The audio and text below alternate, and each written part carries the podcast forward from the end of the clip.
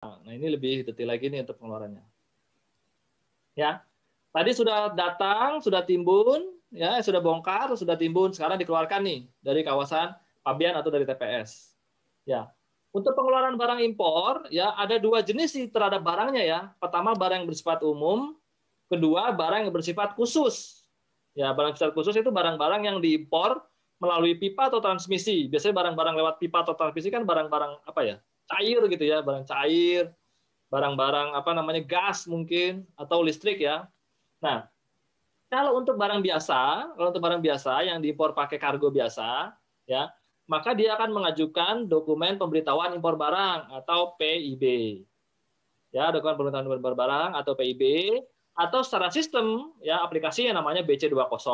Jadi ini aplikasi atau nama dokumennya BC20 kalau pemberitahuannya namanya pemberitahuan impor barang. Nanti dia bayar biaya masuk, cukai kalau ada, bayar pajak segala macam. Kemudian dia kalau kena latas, nih kalau hanya wajib latas ya. Jadi kalau misalnya dia nggak wajib ya nggak, nggak usah. Kalau dia kena larangan pembatasan, maka dia harus wajib eh, memenuhi izin larangan pembatasan. Baru nanti pengeluaran barang dari kawasan pabean atau dari TPS. Nah, pengeluarannya namanya SPPB, ya surat eh, persetujuan pengeluaran barang. Nah, untuk jalur prioritas, nanti lebih detail slide-slide selanjutnya. Untuk jalur prioritas atau IO, apabila dia terkena uh, jalur merah, maka dia tetap boleh mengeluarkan barang dari TPS atau dari kawasan pabean ya menggunakan dokumen namanya SPPF, surat pemberitahuan pemeriksaan fisik. Artinya pemeriksaan fisiknya akan dilakukan di lapangan penimbunannya milik si importir. Nah, untuk penyampaian PIB, Bapak Ibu, untuk penyampaian PIB, bisa dilakukan sebelum kapalnya tiba ya atau sebelum pemberitahuan inward manifest.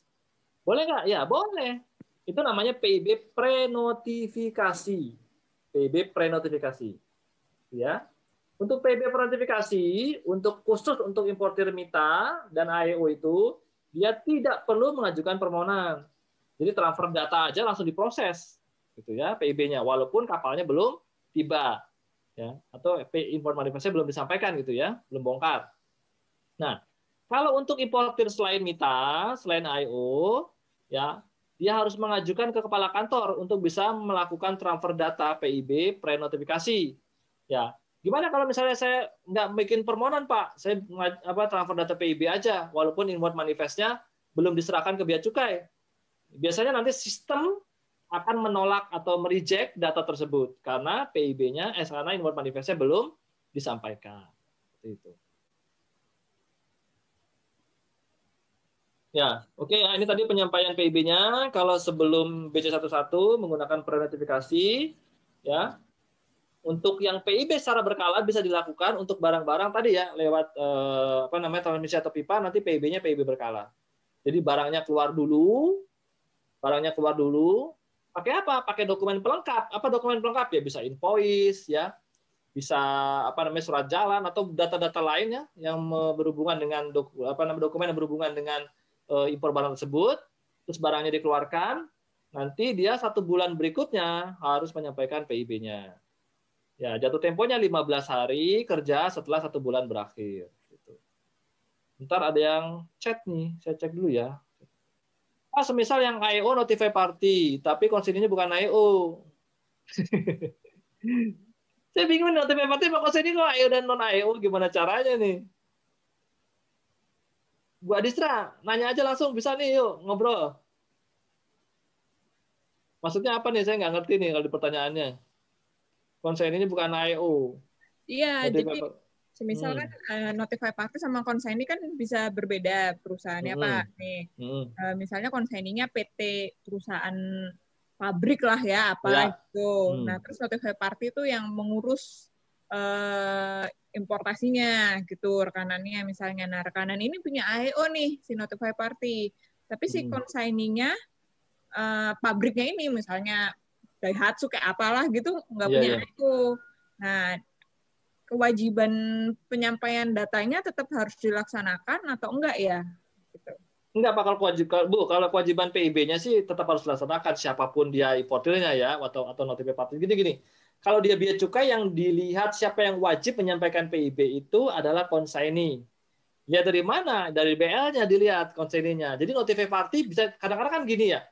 Ada notify jadi konseini kadang-kadang konseininya itu kalau dia pakai LSI kadang-kadang konseininya bank tuh notify partinya si importernya. Ya itu itu urusan bill of lading lah ya. Tapi di bea cukai jadi siapa si importir ya yang bertanggung jawab terhadap kegiatan itu gitu. Kalau misalnya si importir yang melakukan kegiatan itu adalah IO ya maka dia punya fasilitas namanya gratifikasi gitu ya. Nah, kadang-kadang ada juga importir dan pemilik barang adalah orang yang berbeda karena di PIB diperbolehkan tuh. Ya kan? Pemilik barang misalnya bukan IO, tapi importernya IO. Fasilitas gimana? Gratifikasi bisa nggak? Bisa. Karena yang melakukan kegiatan importasi kan si importirnya. Ya, pemilik barangnya kan tidak melakukan kegiatan importasi. Dia menyerahkan kegiatan importasinya kepada si eh, apa namanya si importir gitu karena dia mungkin tidak punya izin-izinnya gitu ya makanya dia hanya melakukan pembelian barang saja tapi importasi dilakukan oleh si importer tertentu boleh aja jadi nanti fasilitasnya diberikan terhadap si importir gitu. Loh, Pak Kur Monggo Pak berarti yang wajib memenuhi lartas itu importernya ya bukan pemilik barangnya ya iya betul sekali betul terus bentuk uh, oh ini kalau impor. Kalau ekspor, kadang-kadang kalau ekspor bisa seperti itu juga ya Pak Kurya? Sama. Jadi misalnya gini, Bapak misalnya mau ekspor apa ya misalnya, mau ekspor kayu gitu ya. Ekspor kayu itu kan harus ada izin tuh, berat ya, ya izinnya kan berat tuh ya.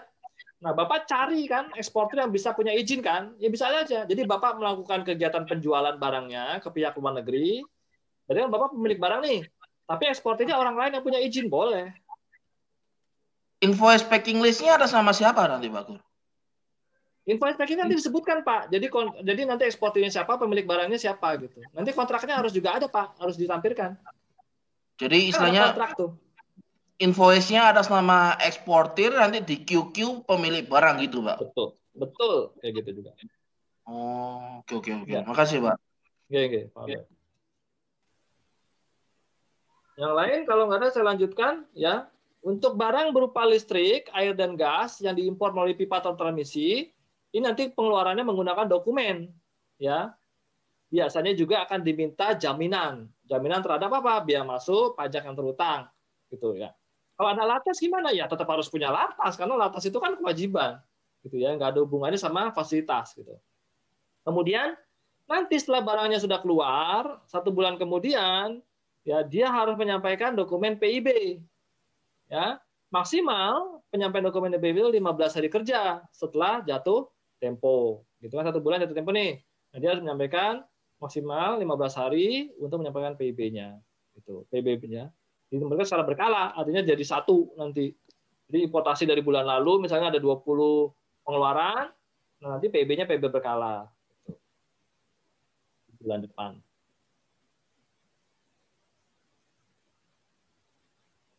ya untuk bisa mendapatkan fasilitas sebagai importir dengan pengajuan PB berkala, importir harus mengajukan permohonan ke kepala kantor.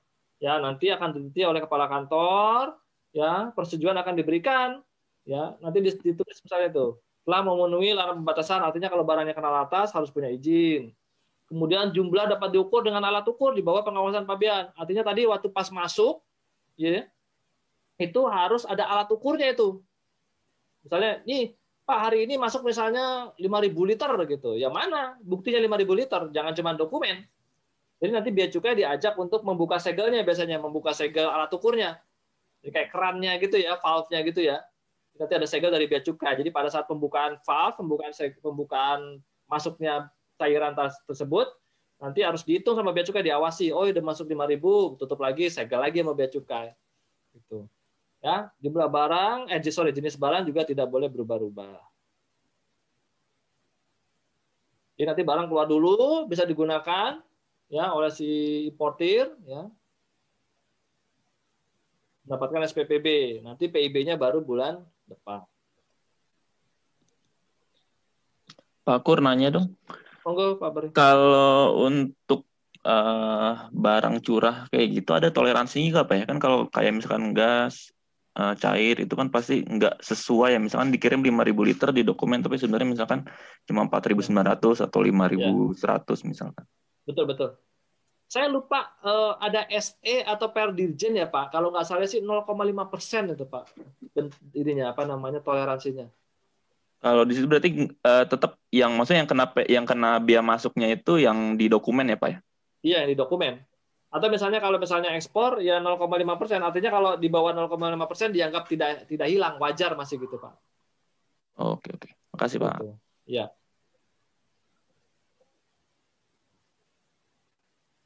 Oke, sekarang penyampaian dokumen PIB atau penyampaian pemberitahuan pabean. Ya. Nah, bentuk dokumen sekarang udah nggak ada lagi yang manual ya. Semua sudah pakai PDE. PDE-nya pun sekarang sudah tidak lagi menggunakan pihak ketiga. Kalau kemarin kan kita masih pakai PTE di Indonesia. Sekarang udah langsung nih ya menggunakan PDE internet. Jadi nanti diinstal di di di import di komputernya importir atau di komputernya si PPJK atau forwarder nanti dibuat di situ terus ditransfer datanya menggunakan pay internet biasa gitu ya. Nah penyampaiannya memang berupa data elektronik saja jadi tidak perlu lagi importir atau PPJK menyampaikan hard copy ke bea cukai. Tapi untuk tempat-tempat tertentu mungkin ya yang misalnya internetnya masih susah atau mungkin misalnya pengguna jasanya belum bisa menggunakan PDI kepabeanan maka pemberitahuannya bisa manual ya tulisan di atas formulir. Tapi ini udah susah ya. Udah jarang gitu maksudnya nggak ada tempat-tempat biaya cukai yang kayak gini lagi ya. Gitu. Tempatnya tempat terpencil gitu. Masih tulisan di atas formulir artinya masih manual gitu. Ya. Kemudian ya penyampaian dokumen pabean juga bisa saja tidak menggunakan PIB tapi menggunakan dokumen pelengkap. Gitu ya. Itu untuk barang-barang yang dikeluarkan melalui fasilitas trust handling, dan PIB berkala. Untuk penjelasannya detail nanti saya jelasin lagi di minggu depan mungkin ya kita cerita tentang rush handling, tentang forisla sama tentang PIB berkala. Gitu. Rush handling itu pengeluaran barang untuk barang-barang yang diperlukan secara cepat gitu. Contohnya kayak organ tubuh manusia, kemudian darah misalnya atau dokumen-dokumen pakai waktu itu biasanya pakai rush handling. Jenazah gitu juga ya pakai rush handling. Jadi barangnya keluar dulu, tiga hari kemudian baru bikin dokumen PIB. Forislah kini juga ya menggunakan dokumen pabean. Ini untuk Forislah ini sebetulnya istilah dari eh, istilah Belanda sebetulnya ini. Jadi sebetulnya udah nggak dipakai ya karena di undang-undang sekarang ada pengeluaran dengan jaminan gitu. Sebetulnya gitu. Tapi masih banyak kadang-kadang istilah di kita di kepabeanan itu di lapangan terutama ya itu masih menggunakan istilah-istilah eh, zaman Belanda ya. Kalau teman-teman di lapangan pasti tahu nih ya kayak behandel behandel itu sebetulnya bahasanya kan pemeriksaan fisik gitu ya.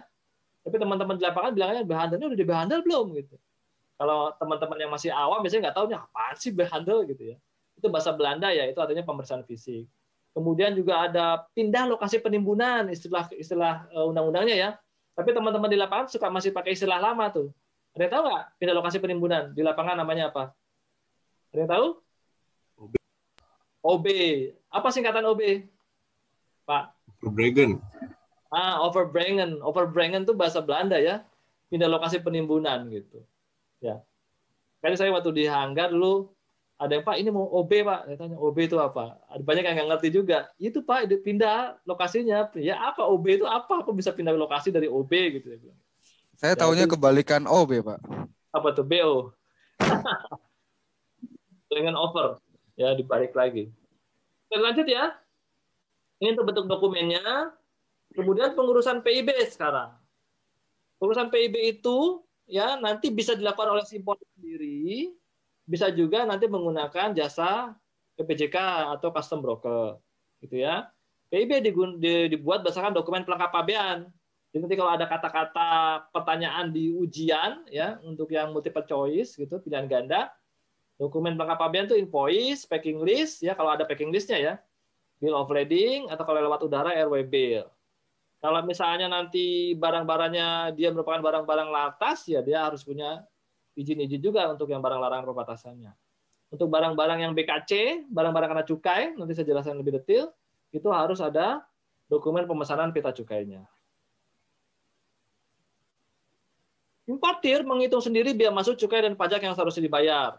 Ya, nanti kita akan diskusi gimana cara ngitungnya. Tapi nanti kalau Bapak Ibu prakteknya, prakteknya sih enggak seperti itu. Prakteknya Bapak Ibu pakai aplikasi PIB, masukin aja nilai pabeannya, ya, apakah dalam bentuk VFOB, apakah dalam bentuk CNF, ataukah dalam bentuk CIF, dimasukin aja. Nanti aplikasi akan membuat perhitungannya berapa bea masuk eh, pajak yang harus dibayar oleh Bapak Ibu. Gitu. Ya, tapi kita harus bisa secara manual ngitung bea masuk, pajak dan eh, apa namanya cukai kalau ada ya untuk barang-barang yang diimpor. Gitu. Urusan PIB bisa diwakilkan kepada PPJK atau custom broker. Eh, Bapak Ibu, saya kan kemarin sharing tuh sama Bapak Ibu di grup WA itu tentang penggunaan blockchain di sistem logistik. Ya, bahkan Bea Cukai Indonesia telah tanda tangan tuh dengan IBM untuk menggunakan trade lens dalam kegiatan importasinya nanti gitu Threadline itu perusahaan apa namanya yang dibentuk oleh IBM ya untuk menangani supply chain berdasarkan eh, apa namanya frameworknya framework blockchain gitu ya. Tolong Bapak Ibu baca-baca ya tentang blockchain karena nanti ada implikasinya itu sama kegiatan bisnis Bapak Ibu di masa depan gitu. Apakah bisnis saya atau profesi saya di masa depan masih digunakan apa enggak nih kalau ada blockchain gitu ya? Apakah nanti ada misalnya potensi-potensi ya atau misalnya opportunity baru di masa depan sehubungan dengan penggunaan blockchain di sistem logistik. Bapak Ibu harus belajar dari sekarang ya. Gitu karena nanti kalau sudah mandatori penggunaan trade line keluar, aturan-aturannya dari pemerintah, ya kita terpaksa kan harus menggunakan itu. Ya, Bapak Ibu yang belum tahu blockchain, jadi blockchain itu the next uh, apa WWW ya, the next internet ya. Jadi nanti kontrak-kontrak ada di situ semua, ya datanya nanti datanya tidak bisa diganti, hanya bisa ditambahkan, otomatis integritasnya lebih valid, ya datanya bisa lebih dipercaya oleh pihak kepabeanan internasional. Kalau saya sih menebaknya, menebaknya nih mudah-mudahan salah ya. Di masa depan PPJK akan terdistrupsi bisnisnya. Terdistrupsi artinya nanti mungkin secara aturan undang-undang tidak eh, tidak melarang adanya institusi PPJK di Indonesia tapi secara kebutuhan mungkin nanti logistik tidak lagi membutuhkan pihak PPJK gitu. Nanti jadi kalau Anda nih yang sekarang eh, sebagai PPJK murni ya, bisnisnya PPJK, tolong di-expand bisnisnya jangan cuman hanya melayani sebagai PPJK saja. Mungkin jadi 3PL, jadi logistik juga, jadi forwarder juga, jadi tempat penimbunan juga, punya warehouse, punya tracking, atau seenggak-enggaknya bikin kerjasama lah sama pihak-pihak lain sehingga bisnis Anda bisa berkembang gitu ya. Kayak seperti wartel gitu ya. Sekarang mungkin secara undang-undang tidak dilarang orang bikin wartel. Tapi secara kebutuhan tidak ada lagi orang yang mau pakai bisnis tersebut gitu kan. Kalau anda misalnya sekarang mau buka bisnis jasa pembelian tiket misalnya pesawat gitu atau booking hotel. Anda kalau mau buka bisnis seperti itu buka ruko segala macam nggak dilarang. Tapi siapa yang membutuhkan? Karena semuanya udah pakai aplikasi gitu Ya, jadi hati-hati Bapak Ibu terhadap bisnis kita tetap harus belajar, aturan-aturan dilihat, di luar negeri seperti apa pelaksanaannya, nanti Indonesia akan seperti apa menyerapnya, kita harus mulai baca-baca dari sekarang. Ya. Oke, Pak, mau tanya Pak. Eh, boleh Pak Wayu, silakan. Yang Bapak barusan sampaikan berkenaan yang di-share di grup itu Pak ya. Hmm. Ya apa itu trans transcend apa itu Pak? Ya, thread lens. Terus gimana Pak? Uh, itu itu uh, nantinya uh, Bea Cukai akan memandatorikan semua pelaku bisnis menggunakan uh, aplikasi itu atau bagaimana ya Pak ya? Iya, kalau udah siap Pak, kalau lingkungannya udah siap. Kalau sekarang belum bisa Pak.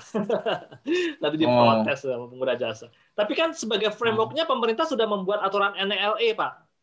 Bapak tahu kan? Oke. Okay. Pak Jokowi, yeah, Pak ya. Jokowi yeah. udah udah bikin PP tentang NLE National Logistic Ecosystem. Nah itu kan harus ada framework pak, harus ada siapa yang yang mewadahinya gitu, pakai pakai framework apa gitu. Ah, oke. Okay. Itu yang it yang sekarang mungkin yang mungkin belum terlihat, mungkin masih pakai internet segala macam ya, tapi nanti eh, mungkin ya bisa aja pakai blockchain gitu di masa depan. Tapi kan ini masih masih belum tentu juga pak, gitu. Tapi artinya kita harus siap-siap juga kalau misalnya ke sana ada implikasinya nggak sama bisnis kita gitu. Berarti gitu. boleh sampaikan bahwa trade trade lens itu adalah salah satu pilihan kan Pak? Baru Betul. salah satu pilihan. Oke. Ya okay. betul sekali. Belum tentu dipakai juga secara mandatori gitu. Tapi udah tanda tangan nih bea cukainya. Iya. Yeah. DJPC udah tanda tangan ya. Kalau udah tanda tangan udah kontrak, kalau nggak pakai kan sayang pak. Itu kan butuh biaya juga untuk tanda tangan kontrak itu kan pasti mengeluarkan duit kan negara kan. Kalau nggak dipakai kan sayang duitnya. Oh oke. Okay. Hmm. Tapi Jadi kan mahal ada. pak ya. Ya saat ini mungkin mahal pak. saat ini ya. Tapi seenggaknya kita siap-siap lah pak. Kita siap-siap. Gini loh kadang-kadang gini di grup alumni ya, grup alumni saya udah bicara tentang blockchain atau uh, tentang apa namanya logistik logistik pakai blockchain itu udah dari tahun 2018 nih udah saya diskusikan nih. Tapi ada main hmm. aja gitu, nggak ada diskusi lebih lanjut gitu. Mungkin sekarang baru rame gara-gara uh, Bitcoin harganya 700 juta gitu ya. Tapi nggak ada gitu diskusi tentang itu gitu. Padahal di waktu saya di WCO itu 2016 itu udah rame itu. Eh 2018 ya udah rame itu ngomongin tentang blockchain. Ya kajian-kajian dari bea cukai eh, apa namanya itu bea cukai Inggris terus kajian dari bea cukai Korea bea cukai Vietnam itu udah udah mengkaji apa penggunaan blockchain dalam sistem logistiknya mungkin baru pakai FTA sementara di Korea kan baru FTA-nya aja tapi mungkin bisa berkembang nanti ke kontrak-kontrak lainnya gitu karena data blockchain kan data yang tidak bisa diganti pak Artinya data awal hmm. sampai sampai terakhir itu masih ada semua di situ. Hanya bisa ditambah hmm. saja. Jadi misalnya kalau pemberitahuan di BL misalnya kita bawa lima jenis barang, gitu. Eh ternyata salah nih, harusnya tiga jenis barang. Tidak berarti datanya yang lima berubah jadi tiga. Kalau sekarang kan gitu pak ya. Oh berarti ganti nih BL yang tadi lima jadi tiga gitu. Tapi kalau pakai blockchain nanti pakai elektronik BL, itu yang lima itu masih ada datanya, tapi diperbaiki dengan yang tiga gitu. Jadi data awal sama data perbaikan itu ada semua gitu. Jadi otomatis kan apa integritasnya atau pemurnian datanya kan bisa dijaga nih dari awal sampai akhir gitu. Nah kalau biaya cukai mau pakai data itu sebagai data pemberitahuan, ya jadi nanti di tempat tempat impor kan tidak perlu lagi ada pemberitahuan impor pak. Jadi biaya cukai pakai data itu aja, langsung dibikin billing, importir bayar, langsung ngasih PPB. Hmm. Bisa, depan kan bisa seperti itu. Artinya PPJK itu ada di mana gitu. PPJK secara bisnis nggak ada di situ. Tapi secara keseluruhan mungkin bisa sebagai tadi sebagai penasehatnya, ya sebagai konsultannya, gitu, sebagai penasihat hukumnya, gitu. Jadi PPJK itu nanti bukan sebagai entitas institusi bisnis aja gitu, tapi harus juga sebagai entitas lainnya gitu. Jadi kayak lawyer lah, lawyer kan tetap pakai dipakai banyak perusahaan kan, tetap dipakai. Artinya PPJK mungkin tetap dipakai, tapi tidak sebagai pengurusan barang gitu Pak. Tapi mungkin sebagai advisor atau sebagai konsultan gitu. Ke depannya mungkin seperti itu nanti. Jadi pengetahuan pabiannya benar-benar harus diperdalam nih untuk teman-teman PPJK gitu. Ya, jangan melakukan kebiasaan-kebiasaan ya. aja tapi nggak memperkaya diri gitu secara keilmuan itu bahaya jadi. Karena di 2025 Pak, 2025 kan kita udah bikin tanda tangan nih untuk yang eh, Economic Union se-ASEAN gitu. Ya. Saya nggak tahu ya di masa depan aturan seperti apa. Tapi kalau misalnya economic union kan seperti di di Eropa lah ya kan. Eropa kan economic union juga Pak ya. Artinya gini, yeah. orang-orang Belanda kalau mau pergi ke Belgia nggak usah pakai paspor Pak. Ya Ya. ya mau kerja di Belgia nggak perlu izin lagi kita apa KIMS nggak ada tuh. Saya khawatir nanti kalau kita 2025 itu udah dimandatorikan, orang-orang Singapura kerja di sini, orang Filipina kerja di sini, dia aksesnya bagus, networkingnya bagus, bahasa Inggrisnya bagus gitu seorang Indonesia kebagian apa? Ini yang saya yang bikin yang gemes gitu loh sama-sama teman-teman. Yuk, ayo banyak baca yuk gitu. Ayo banyak diskusi. Saya pengennya gitu gitu. Jadi kalau nanti sudah terjadi, kita udah siap gitu. Jadi tetap pasar kita nih yang 70% kan ASEAN ini pasarnya kan 70% ada di Indonesia loh Pak. Logistik paling banyak itu di Indonesia. Itu nilainya sampai puluhan triliun gitu.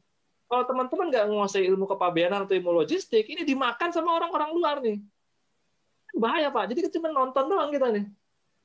Atau kita jadi pegawainya doang ngantar-ngantar dokumen bikin dokumen gitu. Eh kan kasihan gitu. Padahal kita bisa ngambil situ sebagai orang yang terlibat dalam kegiatannya gitu. Ya gitu sih pak. Saya concernnya itu aja sih buat teman-teman gitu.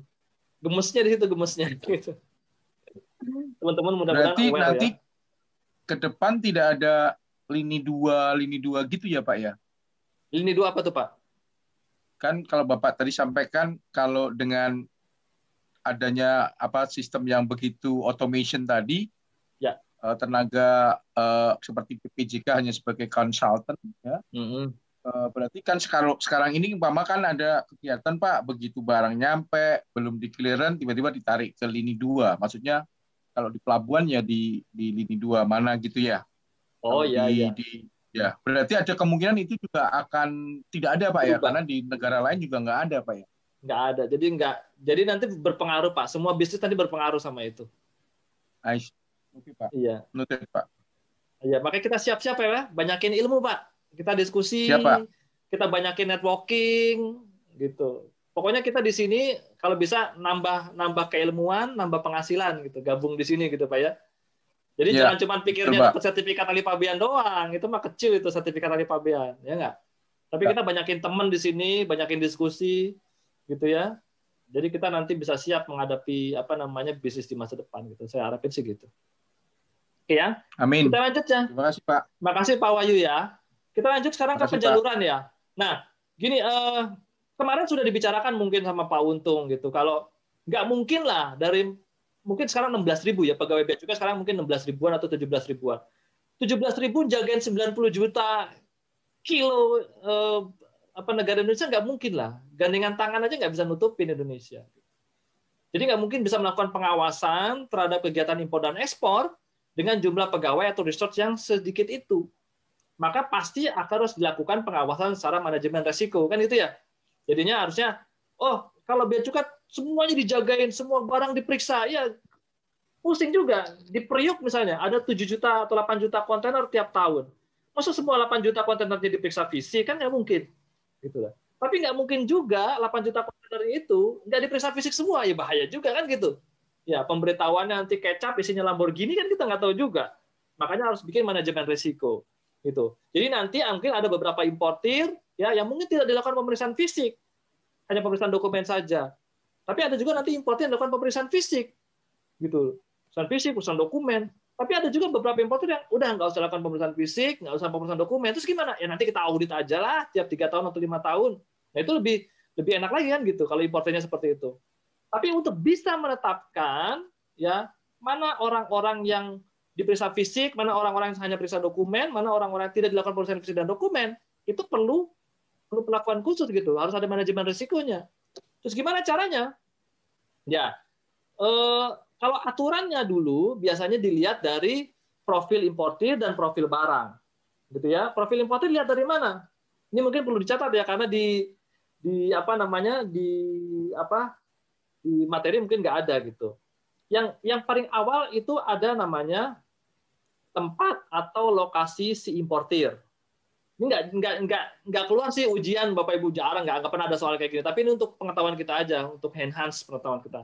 Jadi kita bisa tahu kita kita resikonya ada di mana gitu ya. Pertama lokasi Bapak Ibu, lokasi importir. Ya, ada beberapa ada beberapa perusahaan yang eh, tempat usahanya itu hanya menyewa. Ada kan ya? Nyewa ruko, atau nyewa apa namanya kantor gitu ya. Nah, kalau nyewanya ya sekali kontrak itu sewanya di bawah tiga tahun, itu resikonya tinggi Bapak Ibu. Jadi bagi bea cukai, apabila ada importir, tempat usahanya hanya nyewa, nyewanya tiap tiga tahun sekali diperpanjang, misalnya setiap setahun sekali, dua tahun sekali, itu resikonya tinggi bagi bagi bea cukai. Kenapa resikonya tinggi? Karena dianggapnya dia bisa melakukan apa namanya? Ya menghilang aja bisa gitu karena kontraknya kan cuma dua tahun sekali atau setahun sekali gitu ya apabila kontraknya lebih dari lima tahun lebih dari tiga tahun atau lima tahun itu mungkin masuknya ke menengah. Oh saya tempatnya nyawa pak tapi sekali kontrak 10 tahun sekali kontrak lima tahun. Oh resikonya menengah gitu.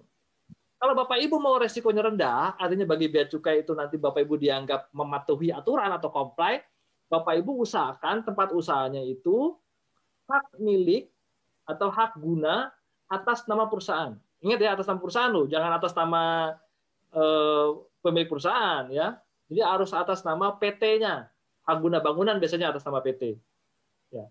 Ada beberapa teman yang protes ke saya, Pak, kalau saya tempat usahanya pakai hak hak guna bangunan atas nama perusahaan, ya nanti kalau saya ada apa-apa, maksudnya eh, pihak pemerintah bisa dong melakukan penyegelan atau penguasaan terhadap asetnya si perusahaan. Ya itu itu maksudnya gitu kan. Kalau bagi pemerintah Bapak Ibu punya aset ya yang bisa dipegang, maka bagi pemerintah Bapak Ibu resikonya rendah. Karena Bapak Ibu mau ngemplang, misalnya ya, mau ngemplang biaya masuk atau pajak, asetnya aja diambil. Beres kan selesai dilelang, lunasin gitu. Ya. Jadi kalau mau risikonya rendah, risiko rendah itu artinya masuk jalur hijau gitu ya. Pertama, tempat usaha pastikan hak guna bangunan ya atas milik perusahaan atau seenggak-enggaknya sewanya di atas lima tahun, misal bisa bisa masuk jalur kuning gitu. Tapi kalau misalnya Bapak Ibu eh, tempat usahanya nyewa di bawah tiga tahun, setahun sekali gitu, itu biasanya masuk jalur merah. Itu yang pertama ya. Ya. Kedua, pemilik perusahaan. Hati-hati sama pemilik perusahaan. Ya. Pemilik perusahaan biasanya nanti kan harus mewajibkan, diwajibkan memberitahukan misalnya nomor KTP, NIK, sama NPWP. Nanti di, di, dilihat tuh historinya sama bea cukai. Pemilik perusahaan ini pernah nggak jadi pemilik perusahaan lain yang ada masalah sama kepabeanan? Oh dulu dia pernah punya PT, PT-nya ngemplang. Oh dulu punya punya PT, PT-nya ngelunduk. Gitu. Itu ada masalah itu nanti. Ya, jadi pemilik perusahaan itu harus juga orang yang resikonya rendah. Gimana kalau orang asing? Nah, orang asing juga nanti dilihat ya. Ya. Nanti dilihat dari uh, profilnya gitu. Misalnya dilihat dari pasportnya mungkin, dilihat dari alamat tempat tinggalnya mungkin, gitu ya. Jadi pemilik perusahaan ini berpengaruh juga ya sama profilnya si importir atau resiko si importirnya. Kemudian yang ketiga, Bapak Ibu, pastikan bahwa perusahaan memiliki catatan pembukuan yang menggunakan sistem. Ya, jadi kalau perusahaan-perusahaan besar kan biasanya udah ada sistem ya. Saya lupa namanya apa MIOB gitu seperti itulah. Jadi sistem pencatatan misalnya orang plan misalnya pakai bahan baku segini, nanti langsung ada masuk ke sistem nanti orang purchasing langsung bisa melakukan forecast lah kira-kira e, minggu keberapa e, berapa banyak kita harus melakukan pemesanan untuk barang impor gitu. Kayak gitulah nanti ada pencatatan keuangan itu nanti jadi satu di sistem. Artinya gini kalau biar cukai nanti ke sana melakukan penelitian atau melakukan audit terus minta saya minta pembukuan dong e, untuk dua bulan terakhir. Selesai ngomong di print langsung jadi gitu. Atau dikirim datanya langsung jadi. Itu berarti pakai sistem kan gitu tapi kalau misalnya nggak pakai sistem, misalnya pencatatan pakai Excel, saya pakai sistem pak. Sistemnya apa Excel. Kalau bagi bea cukai itu pencatatan di di Excel itu masih pencatatan manual ya. Ya, catatan manual karena harus masukin satu-satu ini satu-satu bisa direkayasa atau bisa di bisa di adjust gitu ya. Jadi resikonya masih tinggi kalau pakai itu. Ya, jadi penggunaan sistem dalam catatan pembukuan ya kalau udah punya sistem biasanya resikonya rendah. Artinya dia bisa masuk jalur hijau. Tapi kalau dia tidak punya sistem, dari bea cukai itu resikonya tinggi, dia bisa masuk ke jalur merah atau bisa masuk ke jalur kuning. Yang keempat, Bapak Ibu, core of business dari si importirnya. Hati-hati nama core of business. Artinya gini, resikonya rendah bagi bea cukai atau bagi pemerintah apabila si importirnya pertama dia adalah perusahaan industri manufacturer. Terus juga rendah tuh. Toyota, Honda Trading gitu ya. Walaupun dia trading ya, tapi dia itu-itu aja importasinya ya apa suppliernya itu itu aja, pembelinya juga itu itu aja. Artinya dia eh, secara profil bisa dilihat lah gitu. Tapi kalau misalnya importernya, oh bulan ini impor buah-buahan, bulan depan misalnya impor sepatu, bulan depannya lagi impor tekstil, bulan depan nggak jelas gitu ya core of bisnisnya. Impor apa aja bisa. Nah itu resikonya tinggi bagi bea cukai gitu. Karena belum tentu yang diberitahukan sesuai sama aslinya kan gitu. Ya. Jadi empat ini ya akan dilihat oleh bea cukai, nanti dihitung, ya, terus masuk ke profilnya ke mana. Apakah risikonya tinggi, apakah risikonya menengah, apakah risikonya rendah. Kalau risikonya rendah, maka dia masuk ke jalur hijau. Kalau risikonya menengah, dia masuk jalur kuning. Kalau risikonya tinggi, dia masuk jalur merah. Maka Bapak Ibu jangan nanya lagi nih, Pak, saya udah 20 tahun bisnis importir, kok jalur merah melulu? Nah, empat ini dilihat dulu nih. Ya, ada kesalahan nggak di empat? Kalau empat ini nggak diperbaiki, ya merah terus. Gitu ya. Apakah perusahaan trading bisa masuk jalur hijau? Iya bisa sekali. Banyak perusahaan-perusahaan trading yang masuk jalur hijau ya. Honda Trading, Lautan Luas itu trading semua tuh, DKSH itu trading juga. Itu IO Mita semua itu. Walaupun trading tapi dia bisa sebagai mitra kepabeanan atau sebagai sebagai IO. Gitu. Jadi nggak lihat ini apakah dia usahakannya trading, manufacture, ya tapi dilihat dari tadi empat tadi itu. Kita kembali lagi ke setelah sana impor, sekarang masuk ke penjaluran ya. Tadi berdasarkan profil resiko tadi, teman-teman udah tahu ya, kira-kira saya ada di mana nih kalau ngelihat tadi ya. Gitu. Nah, berarti kalau teman-teman udah sadar kenapa saya ada jalur merah, kenapa saya ada jalur kuning, kenapa saya ada jalur hijau ya. Nah, baru kita lihat perlakuannya terhadap penjelasan-penjelasan tersebut. Ya. Jadi eh, dalam proses custom clearance itu akan dilakukan minimal tujuh langkah ini, ya. Pertama pengecekan larangan pembatasan, nah, atas ini pengecekan larangan pembatasan ya. Tapi kalau barang-barangnya nanti tidak terkena larangan pembatasan, ya lanjut langsung kedua gitu ya kemudian akan ngecek ke hutang dokumen, hutang hutang uh, hutang penghutang negara dan hutang dokumen, gitu ya. Kemudian apabila udah oke okay, nggak ada hutang, maka akan keluar billing atau cek pembayaran. Nanti detailnya nanti ya. Kemudian ada pemeriksaan fisik, pemeriksaan dokumen, pengeluaran barang, dan juga ada pemeriksaan dokumen setelah pengeluaran barang. Ya. Nah, kita lihat dulu yang paling enak nih, ya teman-teman yang punya privilege sebagai mitra utama kepabeanan, mitra utama kepabeanan dan IO. Ya. Untuk mitra utama kepabeanan, status ini tidak bisa diajukan. Statusnya tidak bisa diajukan. Artinya Anda bisa tidak bisa melakukan permohonan untuk mendapatkan penetapan sebagai mitra utama kepabeanan. Jadi status ini ditetapkan langsung oleh Dirjen Bea Cukai. Itu ya. Bagaimana caranya? Nanti eh, tata sana saya, saya kalau nggak salah nanti di eh, materi tentang fasilitas kepabeanan ya, materi tentang fasilitas kepabeanan nanti akan di uh, diskusikan bagaimana caranya supaya kita bisa ditunjuk sebagai mitra utama kepabeanan. Kemudian yang AEO atau Authorized Economic Operator. Ini statusnya sama dengan AEO. Cuman kalau mitra utama kepabeanan itu ditetapkan uh, oleh Dirjen Bea Cukai ya berdasarkan frameworknya framework kebijakan Menteri Keuangan ya. Kalau AEO sama penetapannya oleh Dirjen Bea Cukai, tapi frameworknya ini frameworknya WCO. Artinya gini, Mitra utama kepabeanan, status ini atau privilege ini hanya bisa digunakan apabila Bapak Ibu merupakan eh, apa melakukan kegiatan ekspor impor di Indonesia, gitu ya. Tapi kalau AEO Bapak Ibu, kalau AEO ini berlaku secara internasional, jadi skepnya atau penetapannya itu dari Dijen Bea Cukai. Nah, kalau AEO ini bisa di-apply, ya bisa diminta apa namanya bisa dilakukan permohonan ke Dijen Bea Cukai. Nah, penetapan dari Dijen Bea Cukai ini untuk jadi IO ya berlaku internasional. Jadi sertifikat Anda ini nanti juga dianggap sebagai sertifikat untuk di seluruh dunia. Artinya gini, kalau Anda misalnya sebagai eksportir di Indonesia, Anda masuk uh, ditetapkan sebagai IO. Berarti Anda nanti di negara tujuan ekspor ya uh, apa namanya tuh karena Anda sebagai shipper sudah IO, maka nanti di negara tujuan ada perlakuan beda lagi. Perlakuannya perlakuan IO, tapi syaratnya negara yang importer sama ekspornya dua-duanya sudah meratifikasi peraturan IO dari WCO ya. Maksudnya sudah dua-duanya sudah eh, apa namanya tuh meratifikasi framework dari WCO untuk dimandatorikan di, di peraturannya di negara masing-masing gitu ya. Jadi misalnya Indonesia sama Korea itu sama-sama anggota WCO, berarti kalau Indonesia IO, berarti kalau kirim barang ke sana fasilitasnya IO juga gitu. Ya. Jadi untuk yang mitra utama dan kepabeanan dan IO ini memang pelakuannya khusus ya.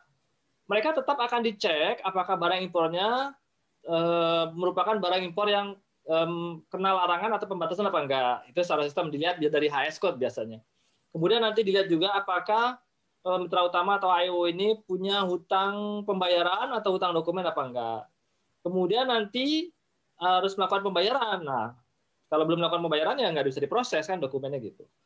Nah, untuk IO atau mitra utama kepabeanan, privilege adalah mereka tidak dilakukan pemeriksaan dokumen terhadap barang dan tidak dilakukan pemeriksaan eh sorry, pemeriksaan fisik terhadap barang dan tidak dilakukan pemeriksaan dokumen terhadap berkasnya atau datanya. Jadi pemeriksaan dokumen dan fisik ini tidak dilakukan untuk teman-teman AYU dan mitra utama. Begitu juga setelah barangnya keluar. Jadi walaupun barangnya sudah keluar, dokumen tetap tidak dilakukan pemeriksaan oleh PVD, gitu ya. Bagaimana cara mengontrol atau cara e, bea cukai melihat nih apakah mitra utama dan AYO nya telah melakukan kegiatan secara e, patuh sama hukum apa enggak gitu, komplain sama peraturan apa enggak. Itu biasanya dilihat nanti dari eh, apa namanya laporan-laporan setiap bulan. Biasanya nanti ada klien koordinator ya yang ditunjuk oleh eh, Bea Cukai untuk mengawasi atau membina teman-teman AYO dan mitra utama kepabeanan. Juga nanti biasanya dilakukan kegiatan audit kepabeanan ya. Biasanya itu setiap tiga tahun, setiap dua tahun, atau bahkan setiap lima tahun. Jadi pemeriksaan dokumen dan pemeriksaan fisik tidak dilakukan untuk teman-teman dari mitra utama dan AYO. Kemudian jalur hijau. Yang jalur hijau ini bedanya ya dengan AIO, dia ada pemeriksaan dokumen. Tapi pemeriksaan dokumen dilakukan setelah barang keluar. Makanya untuk jalur hijau nanti jangan kaget teman-teman jalur hijau, Pak barang udah saya jual entah ke mana, tiba-tiba hari ke-20 saya dapat nota pembetulan atau nota tambah bayar. Gitu. Notul. Ya udah, berarti emang harus dibayar kita atau keberatan ya. Karena memang pemeriksaan dokumen dilakukan setelah barang keluar. Ini untuk jalur hijau. Jalur kuning, pemeriksaan dokumennya dilakukan sebelum barang keluar, tapi tidak ada pemeriksaan fisik. Gitu ya. Untuk jalur merah, pemeriksaan dokumen dan pemeriksaan fisik dilakukan sebelum barang keluar. Gitu. Ini untuk yang secara eh, pembagian apa yang yang dilakukan ya oleh bea cukai kepada teman-teman importir ya terhadap resiko profil eh, perusahaan masing-masing. Bentarnya ada chat apa ya? Oh, yang ada. Oke. Kita lanjut ya. Nah, ini proses kegiatan ekspor impor. Eh sorry, impornya ya, impornya dulu. Ya. Kalau Bapak Ibu lihat di sini ya, ini kita harusnya pakai zoom lah ya. Pindah. Oh. Ya, ini lebih enak ya. Oke, importir kita sebut aja A ya, si importir namanya A. Pertama dia akan mengirim data dulu. Ya, mengirim data, ini ya, mengirim data nomor satu nih, mengirim data ke sistem uh, larangan pembatasan. Nah, kalau di Indonesia, sistem larangan pembatasan ini sudah diintegrasikan ke INSW, Indonesia National Single Window. Jadi pemeriksaan lapasnya di situ. Apakah dia terkena larangan atau pembatasan enggak barangnya itu dicek di situ. Ya. Nah, apabila nanti barangnya HS code-nya ya dicek oleh sistem dan terkena larangan pembatasan, tapi importir tidak melampirkan atau memberitahukan data perizinannya, maka sistem secara otomatis akan melakukan reject atau melakukan penolakan ya terhadap data tersebut. Nanti ada NPP, nota pemberitahuan penolakan NPP terhadap data yang dikirimkan. Karena misalnya HS code wajib memiliki izin dari Badan POM, tapi Anda tidak memberitahukan izin tersebut di lampiran. Nah, itu nanti di reject sama sistem. Gitu. Tapi kalau ada izinnya, otomatis sistem akan memproses. Nah, penelitian terhadap larangan pembatasan pun ini dibagi menjadi dua kategori penelitian. Yang pertama flag 0, yang kedua flag 1. Saya ulangin ya.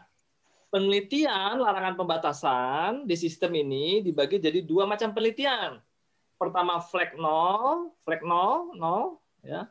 Yang kedua flag 1. Apa maksudnya kalau teman-teman yang jago coding atau komputer ini ngerti nih maksudnya ya jadi kalau flag 0 ya itu semua HS-nya ya, semua HS-nya eh sorry, bukan semua HS. HS tertentu, semua barang yang diberitahukan dalam sebuah HS yang sudah di flag merupakan barang larangan atau barang pembatasan, maka semuanya harus punya izin. Ya, jadi kalau misalnya ibu, eh, bapak ibu misalnya impor pakai HS code-nya HS code eh, apa misalnya ya, yang yang udah flagnya nol ya, misalnya makanan minuman lah gitu ya. Oh no, berarti bapak ibu kalau nggak punya izin gimana? Ya berarti udah nggak bisa, berarti datanya di reject. Tapi kalau punya izin, nanti diproses. Ya. Nah, sinkronisasi pengecekan izin antara data yang dikirim dengan izin yang diberikan oleh instansi terkait itu nanti dipertemukan di INSW. Ya. Jadi kalau nanti datanya di sistem nggak ada, otomatis data data PIB-nya akan di reject. Ya, gitu ya. Tapi kalau misalnya data PIB-nya disampaikan, terus di, di sistem ternyata di NSW-nya ada izin yang disubmit atau diupload oleh instansi terkait e, cocok sama data yang diberitakan di PIB, maka dia akan sinkron dan akan proses. Itu yang flag 0, gitu ya. Yang flag 1 sekarang. Yang flag 1 itu apabila sebuah HS, ada HS code, ya, ada sebuah HS code, barangnya kan macam-macam yang masuk HS code tersebut, ya. Tapi tidak semua barang di HS code tersebut, ya, itu terkena aturan larangan pembatasan. Jadi HS code-nya sama, tapi kalau jenis barangnya atau fungsinya berbeda, maka bisa saja dia tidak wajib larangan pembatasan. Contohnya gini, ada HS code misalnya enzim lah gitu ya, enzim, HS code enzim. Secara secara HS code enzim terus uh, secara HS code ya, HS code tersebut terkena larangan pembatasan, maka seluruh orang atau seluruh importer yang menggunakan HS code tersebut harusnya wajib punya izin dari Badan POM. Harusnya ya. harusnya punya wajib izin dari Badan POM. Tapi ternyata di peraturan Badan POM-nya sendiri ada pengecualian. Jadi untuk importir misalnya yang mengimpor enzim ya, tapi tidak digunakan untuk produksi makanan dan minuman atau untuk produksi apa makanan minuman atau uh, suplemen untuk hewan atau manusia, maka tidak wajib izin dari Badan POM. Ada pengecualiannya gitu. Nah, dari mana komputer atau sistem bisa tahu bahwa enzim ini digunakan untuk kebutuhan obat dan makanan atau untuk non kebutuhan obat dan makanan. Contoh-contoh saya juga nggak tahu ya. Contohnya enzimnya digunakan untuk pembuatan cat misalnya, pembuatan painting gitu ya. Kan itu bukan makanan minuman untuk manusia kan? Jadi tidak perlu izin Badan POM seharusnya importasi tersebut. Tapi HS-nya dia kena HS code larangan pembatasan. Jadi secara sistem dia kena flag bahwa dia harus punya izin, gitu ya.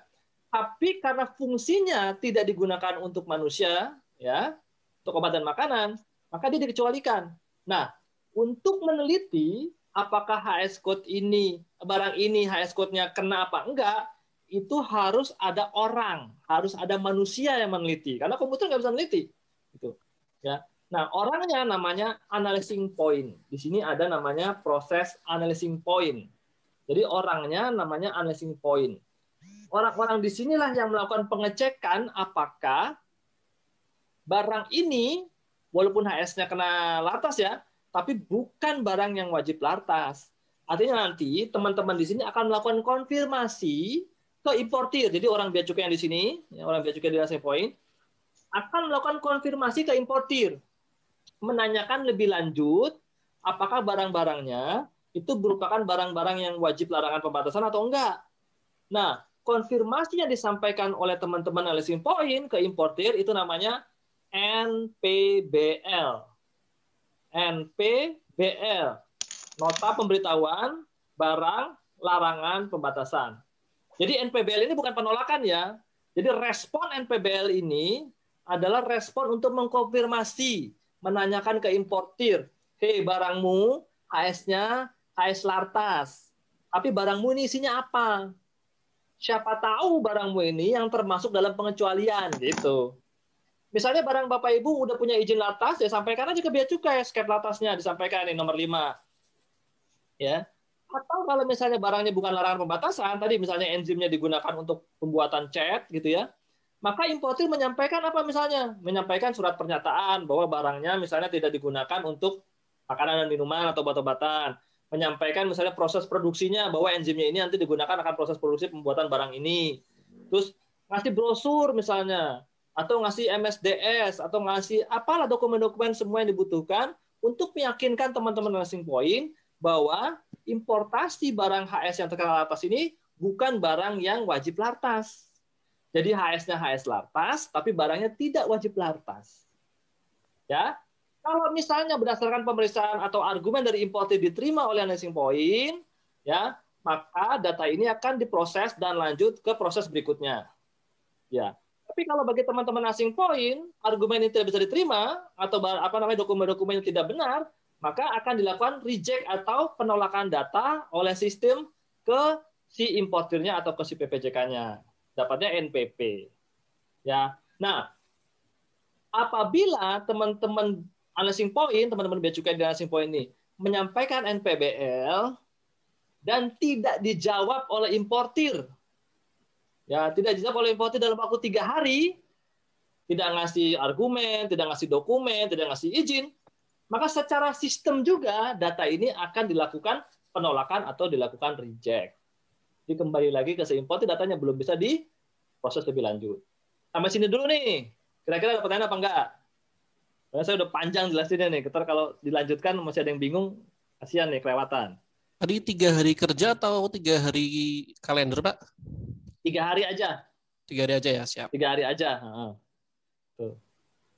Jadi Sabtu Minggu tapi dihitung malah lebih nggak enak kan? Artinya kalau Bapak transfer hari Jumat, eh, hari Senin paling lambat gitu. Ada Selasa udah reject. Gimana Bapak Ibu? Ada pertanyaan tentang prosesnya? Nggak ada ya?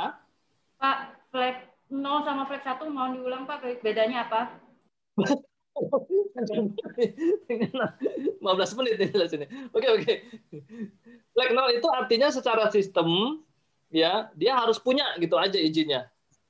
Jadi kalau orang orang komputer gini, yes or no gitu aja. Kalau punya izin yes, lanjut. Kalau tidak punya izin no, itu flag nol berarti. Jadi benar-benar black and white gitu, hitam putih aja. Gitu. Jadi kalau uh, ibu kirim data wajib latas tapi nggak ada nggak ada izinnya, terus nggak bisa disinkronisasi sama sistem perizinan latas di NSW, ya udah reject datanya. Misalnya ibu misalnya uh, impor apa misalnya makanan lah atau minuman, tapi nggak punya izin dari Badan POM. Sistem mencari izinnya di sistem. Sistem mencari, oh nggak ada kok dari Badan POM atas nama PT ini untuk barang HS ini nggak ada nih. Ya udah, sistem akan melakukan prejekan, melakukan penolakan. Itu sistemnya, itu flagnya nol ya. Oke ya. Nah, kalau flex satu, ya monggo, gimana? Uh, maaf, aku mau tanya. Kalau reject itu berarti belum tentu pemblokiran ya Pak Kurniawan? Enggak, enggak, enggak. enggak. Reject enggak, cuma ya? datanya aja dikembalikan datanya karena tidak ya? memenuhi syarat okay. gitu. Ya, okay. bukan bukan blokir, okay. betul. Udah ya. Sekarang flex satu nih. Kalau flex satu artinya Bapak Ibu mungkin pakai HS code yang terkenal atas, ya tapi belum tentu barangnya itu wajib latas. Bisa saja dapat pengecualian. Tadi contohnya ya, misalnya eh, barangnya HSE hayat latas, tapi barangnya bukan untuk keperluan makanan atau minuman, bahan baku gitu. Maka dia wajib menyampaikan argumen-argumen atau dokumen pendukung, ya, sehingga eh, teman-teman analyzing point ini, teman analyzing point bisa menilai bahwa memang barang itu tidak digunakan untuk keperluan pembuatan obat dan makanan, gitu. Jadi kalau flex satu HS-nya HS latas, tapi barangnya belum tentu wajib latas. Makanya diperlukan manusia atau orang. Itu namanya flex satu. Jadi perlu ada penelitian lebih lanjut dari manusia atau orang yang menilai apakah barang yang diimpor ini wajib larangan pembatasan, izin atau tidak. Makanya untuk mengkonfirmasi apakah orang ini punya argumen yang kuat atau data dokumen yang yang yang bisa dipercaya, maka teman-teman asing poin akan memberikan respon namanya NPBL, nota pemberitahuan barang latas. Importir harus menjawab NPBL ini dalam waktu tiga hari. Bisa berupa skep latasnya, bisa berupa surat pernyataan atau argumen, bisa juga dokumen-dokumen pendukung lain yang mendukung bahwa barang saya memang HS-nya HS latas, tapi bukan digunakan untuk keperluan yang diwajibkan oleh latas. Artinya bisa dapat pengecualian. Itu ya. Nah, apabila menurut teman-teman asing poin dokumennya atau argumennya bisa eh, apa namanya dipercaya gitu ya valid, maka datanya akan dimasukkan ke sistem dan diproses gitu untuk proses lebih lanjut.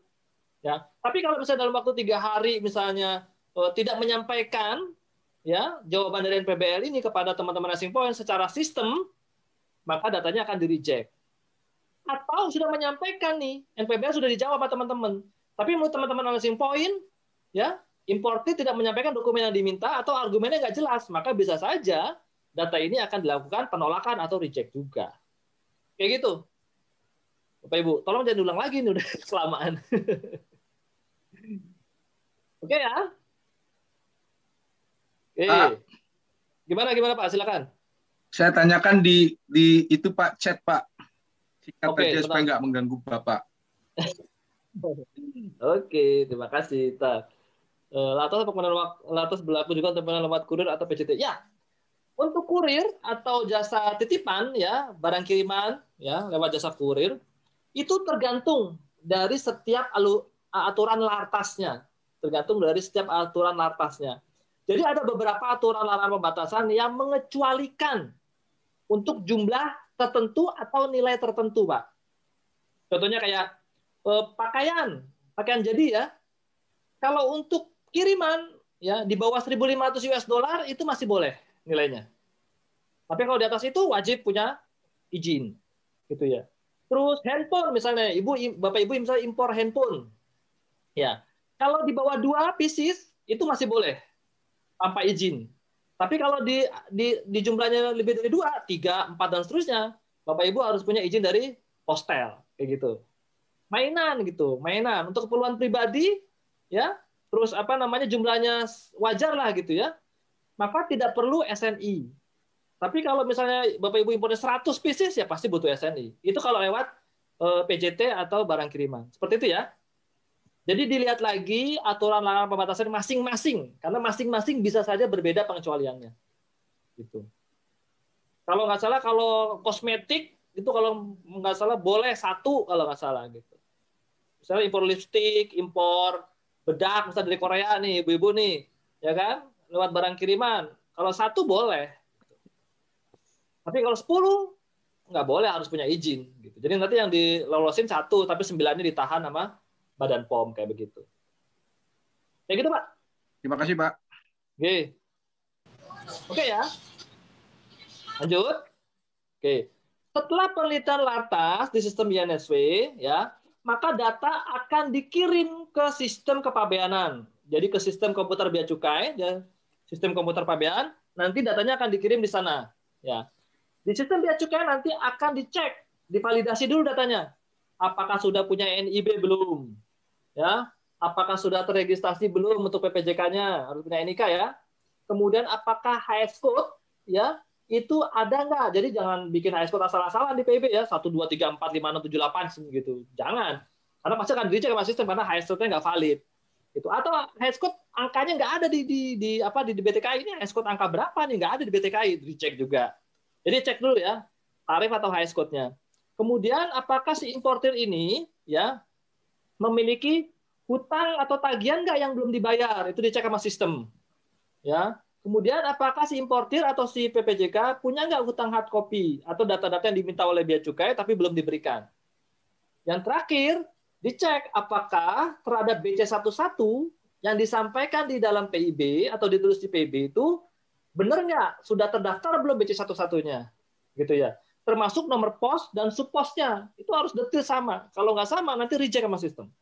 Jadi hati-hati pada ngisi pada saat ngisi PIB, pastikan bahwa eh, apa namanya kapalnya sudah bongkar atau sudah punya nomor BC11. Lihat lagi, cek lagi posnya dan subposnya. Dicek lagi, udah benar apa belum. Karena kalau berbeda sedikit saja, sistem akan menolak. Tanya lagi nih, Pak Denny Kusdinar. Izin tanya, apakah pribadi bukan perusahaan boleh impor? Oh, boleh. Atas nama pribadi boleh impor. Ya. Di mana komunikasi PIB-nya? Dilakukan oleh PPJK apa enggak? Boleh berapa kali maksimal? Kalau pakai PIB atau BC20 nggak bisa. Tapi boleh pakai BC21 atau PIBK. Ya, jadi nanti dokumennya bukan PIB, dokumennya PIBK. Ya. Jadi nanti bisa pakai PPJK juga, bisa juga sendiri langsung. Itu ya. Oke. Jadi boleh, ya walaupun belum perusahaan. Tapi nanti biasanya akan dicek oleh pajak tuh Bapak Bapak Pak Denny nanti misalnya Bapak kan sering impor pakai nama pribadi, tapi impornya banyak nih berarti sering ini berarti bisnismen nih. Berarti kok masih belum punya PT nih cuma nama pribadi doang. Itu pasti nanti ada pengecekan itu. Ya, tapi boleh gitu ya. Kemudian ya, nanti setelah divalidasi tadi ya, apakah sudah punya nomor registrasi apa enggak, HS code-nya udah benar apa belum, punya utang apa enggak, ya. Kemudian BC satu-satunya udah masuk apa belum apa enggak. Nah, kalau sudah oke okay semua, secara sistem udah oke okay dicek, ya, akan diterbitkan billing atau tagihan. Ya, jadi nanti dikirim ke importir, respon, kode billing. Jadi nanti ada billing, ada nomornya, dan ada barcode-nya. Jadi bisa dibayar melalui oh, internet banking, m-banking, atau pakai apa namanya tuh ATM. Itu ya. Nah, respon billing seperti itu. Nah, untuk apabila nanti berdasarkan hasil validasi, ternyata ada beberapa data di sini yang enggak valid jadi belum registrasi, tarif BTKI-nya salah, ternyata punya hutang, atau BC satu-satunya belum ada, maka data ini akan di-reject oleh sistem. Ya, data akan di-reject oleh sistem. Ditolak akan terbit NPP, nota pemberitahuan penolakan. Nanti disebutkan di situ. NPP, nota pemberitahuan penolakan, disebutkan nanti. Berdasarkan apa? Oh, BC, BC satu-satunya salah, nomor segitu belum ada. Atau posnya salah, gitu ya kemudian atau punya hutang, ada tagihan yang belum dibayar, atau nomor atau uh, HS code-nya salah gitu ya. Kayak gitu. Jadi nanti di NPP disebutkan alasannya kenapa ditolak. Gitu ya. Tapi kalau oke okay semua, valid semua datanya, maka akan terbit respon atau uh, tagihan billing gitu ya. Kemudian nanti importir atau kuasanya harus melakukan pembayaran maksimal lima hari. Ingat Bapak Ibu, maksimal lima hari. Jadi kalau udah kena dapat billing itu lima hari harus dibayar. Kalau dalam lima hari tidak lakukan pembayaran, ya maka komputer atau apa sistem komputer pelayanan pabean akan melakukan penolakan keluar NPP lagi. Ya. Eh, respon billing belum dilakukan pembayaran dalam waktu lima hari, maka data akan ditolak. Nanti dari ulang lagi nih. Nanti kalau kalau misalnya ada penolakan terhadap billing, berarti uh, importer atau PPC kan bikin data lagi, transfer lagi, cek lantas lagi, gitu segala macam. Ya. Tapi apabila respon billing ini dilakukan respon dengan melakukan pembayaran sebelum lima hari, ya bayar ke sistem lima lima hari. Di sistem MPN itu, MPN ini apa modul penerima negara generasi kedua, ya Bapak Ibu tidak perlu mengkonfirmasi lagi kalau Bapak Ibu sudah melakukan pembayaran. Jadi kalau udah bayar langsung sistem akan melakukan konfirmasi pembayaran. Ya. Nah, sistem NPN akan melakukan konfirmasi pembayaran ke bea cukai ya dan akan dilakukan proses lebih lanjut oleh sistem pelayanan bea cukai. Nanti baru masuk ke proses penjaluran. Ya. Apakah dia pakai pro notifikasi apa enggak? Kalau pakai pro notifikasi berarti dia punya izin dari kepala kantor untuk melakukan proses eh, apa namanya PIB walaupun kapalnya belum datang gitu ya. Tapi kalau dia tidak ada izin ya berarti di reject gitu ya. Tapi kalau ada izin dia dilakukan proses. Nah, kemudian untuk teman-teman IO dan MITA ya, biasanya langsung masuk jalur hijau. Ya. Kalau udah jalur hijau responnya itu bukan respon jalur hijau tapi langsung SPPB ya. Kalau masuk jalur hijau ya, responnya itu bukan respon jalur hijau tapi responnya SPPB. Importir si A ini dapat respon SPPB surat persetujuan pengeluaran barang. SPPB ini nanti sebagai dasar untuk melakukan pengeluaran barang dari kawasan pabean ke luar daerah, ke luar kawasan pabean untuk dipakai di gudang, untuk dipakai di pabrik, untuk dijual gitu ya.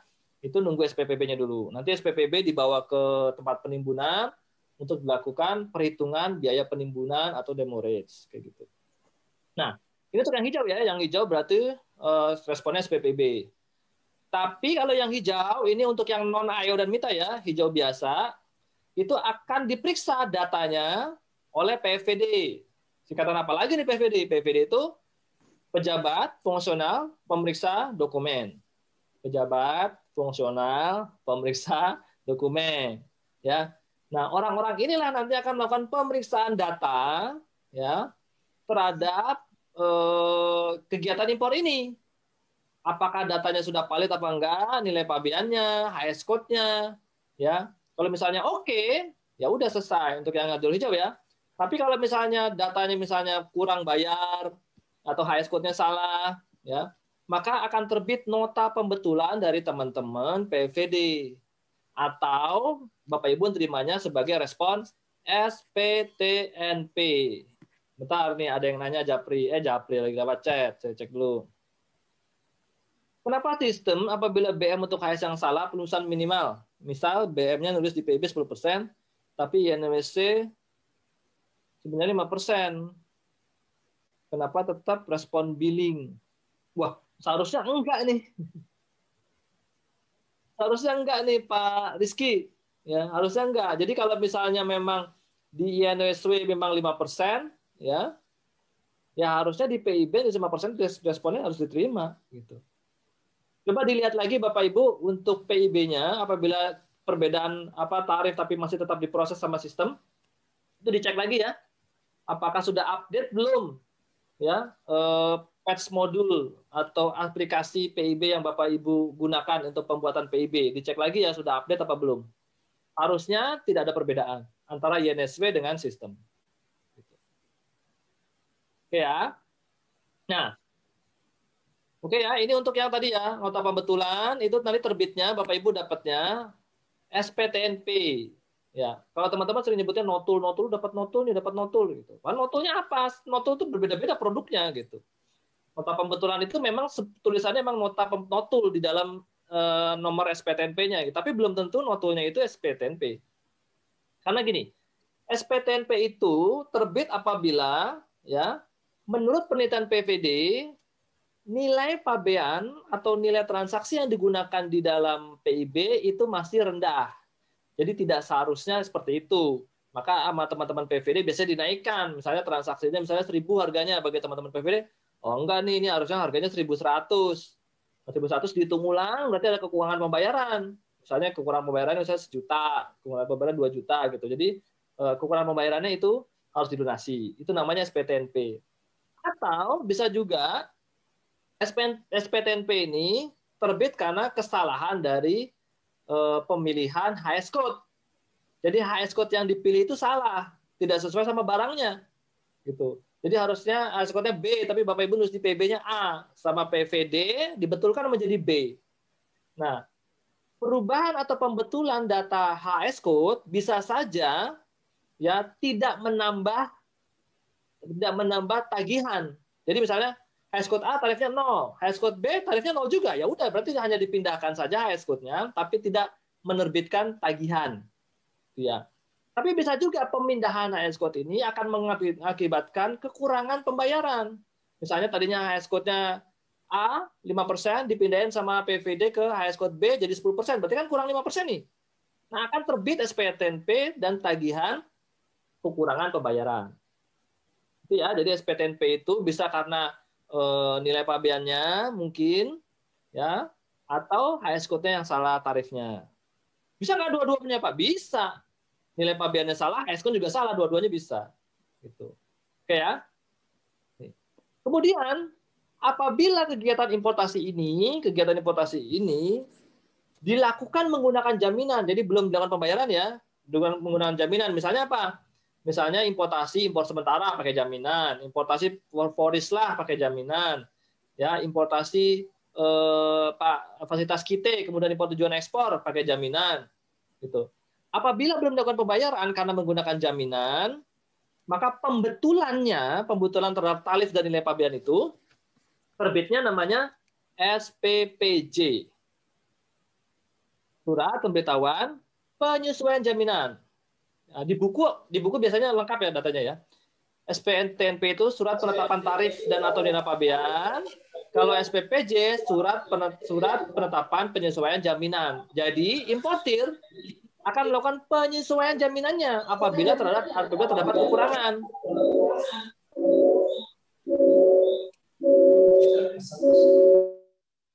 Ya, apabila terdapat kekurangan, maka importir harus menyesuaikan jaminannya. Contohnya misalnya jaminannya tadinya 100 juta. Berdasarkan penetapan nilai pabean atau berdasarkan tarif, harusnya jaminannya 110 juta nih. Nah, maka teman-teman harus membuat jaminan baru. Membuat jaminan baru ya.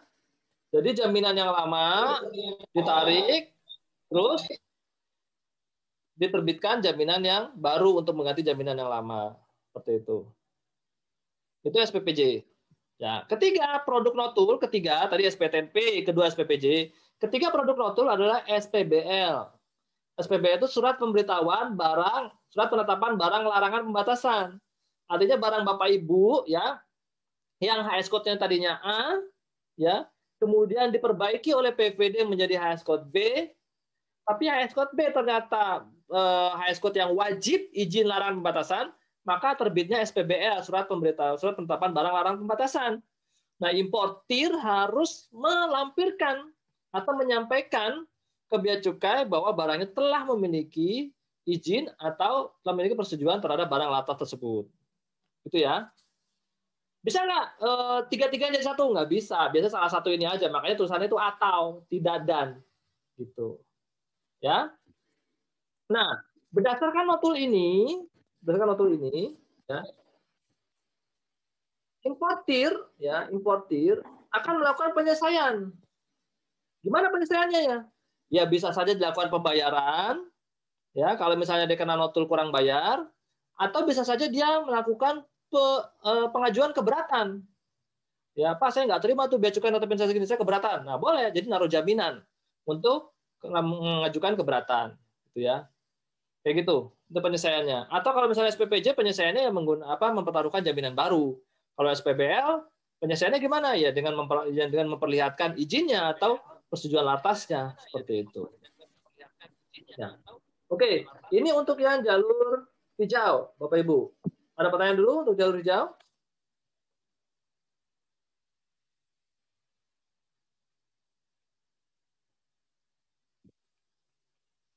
Kalau nggak ada, kita lanjut ke jalur kuning. Tadi telah dijelaskan di sebelumnya bahwa untuk jalur kuning adalah dilakukan pemeriksaan dokumen sebelum barang keluar, gitu ya. Nah, apabila Bapak Ibu ditetapkan importasi ini sebagai jalur kuning, maka akan terbit respon namanya SPJK. Ya, surat pemberitahuan jalur kuning, ya, bahwa importasi ini masuk ke jalur kuning. Respon SPJK dikirim ke importir si A ini atau melalui PPJK. Jadi nanti PPJK yang menyampaikan ke importir bahwa uh, importasi ini terkena jalur kuning. Ya. Kemudian kalau udah terkena jalur kuning, maka data atau dokumennya akan ke PFVD untuk dilakukan penelitian dokumen. Tadi sama kayak hijau.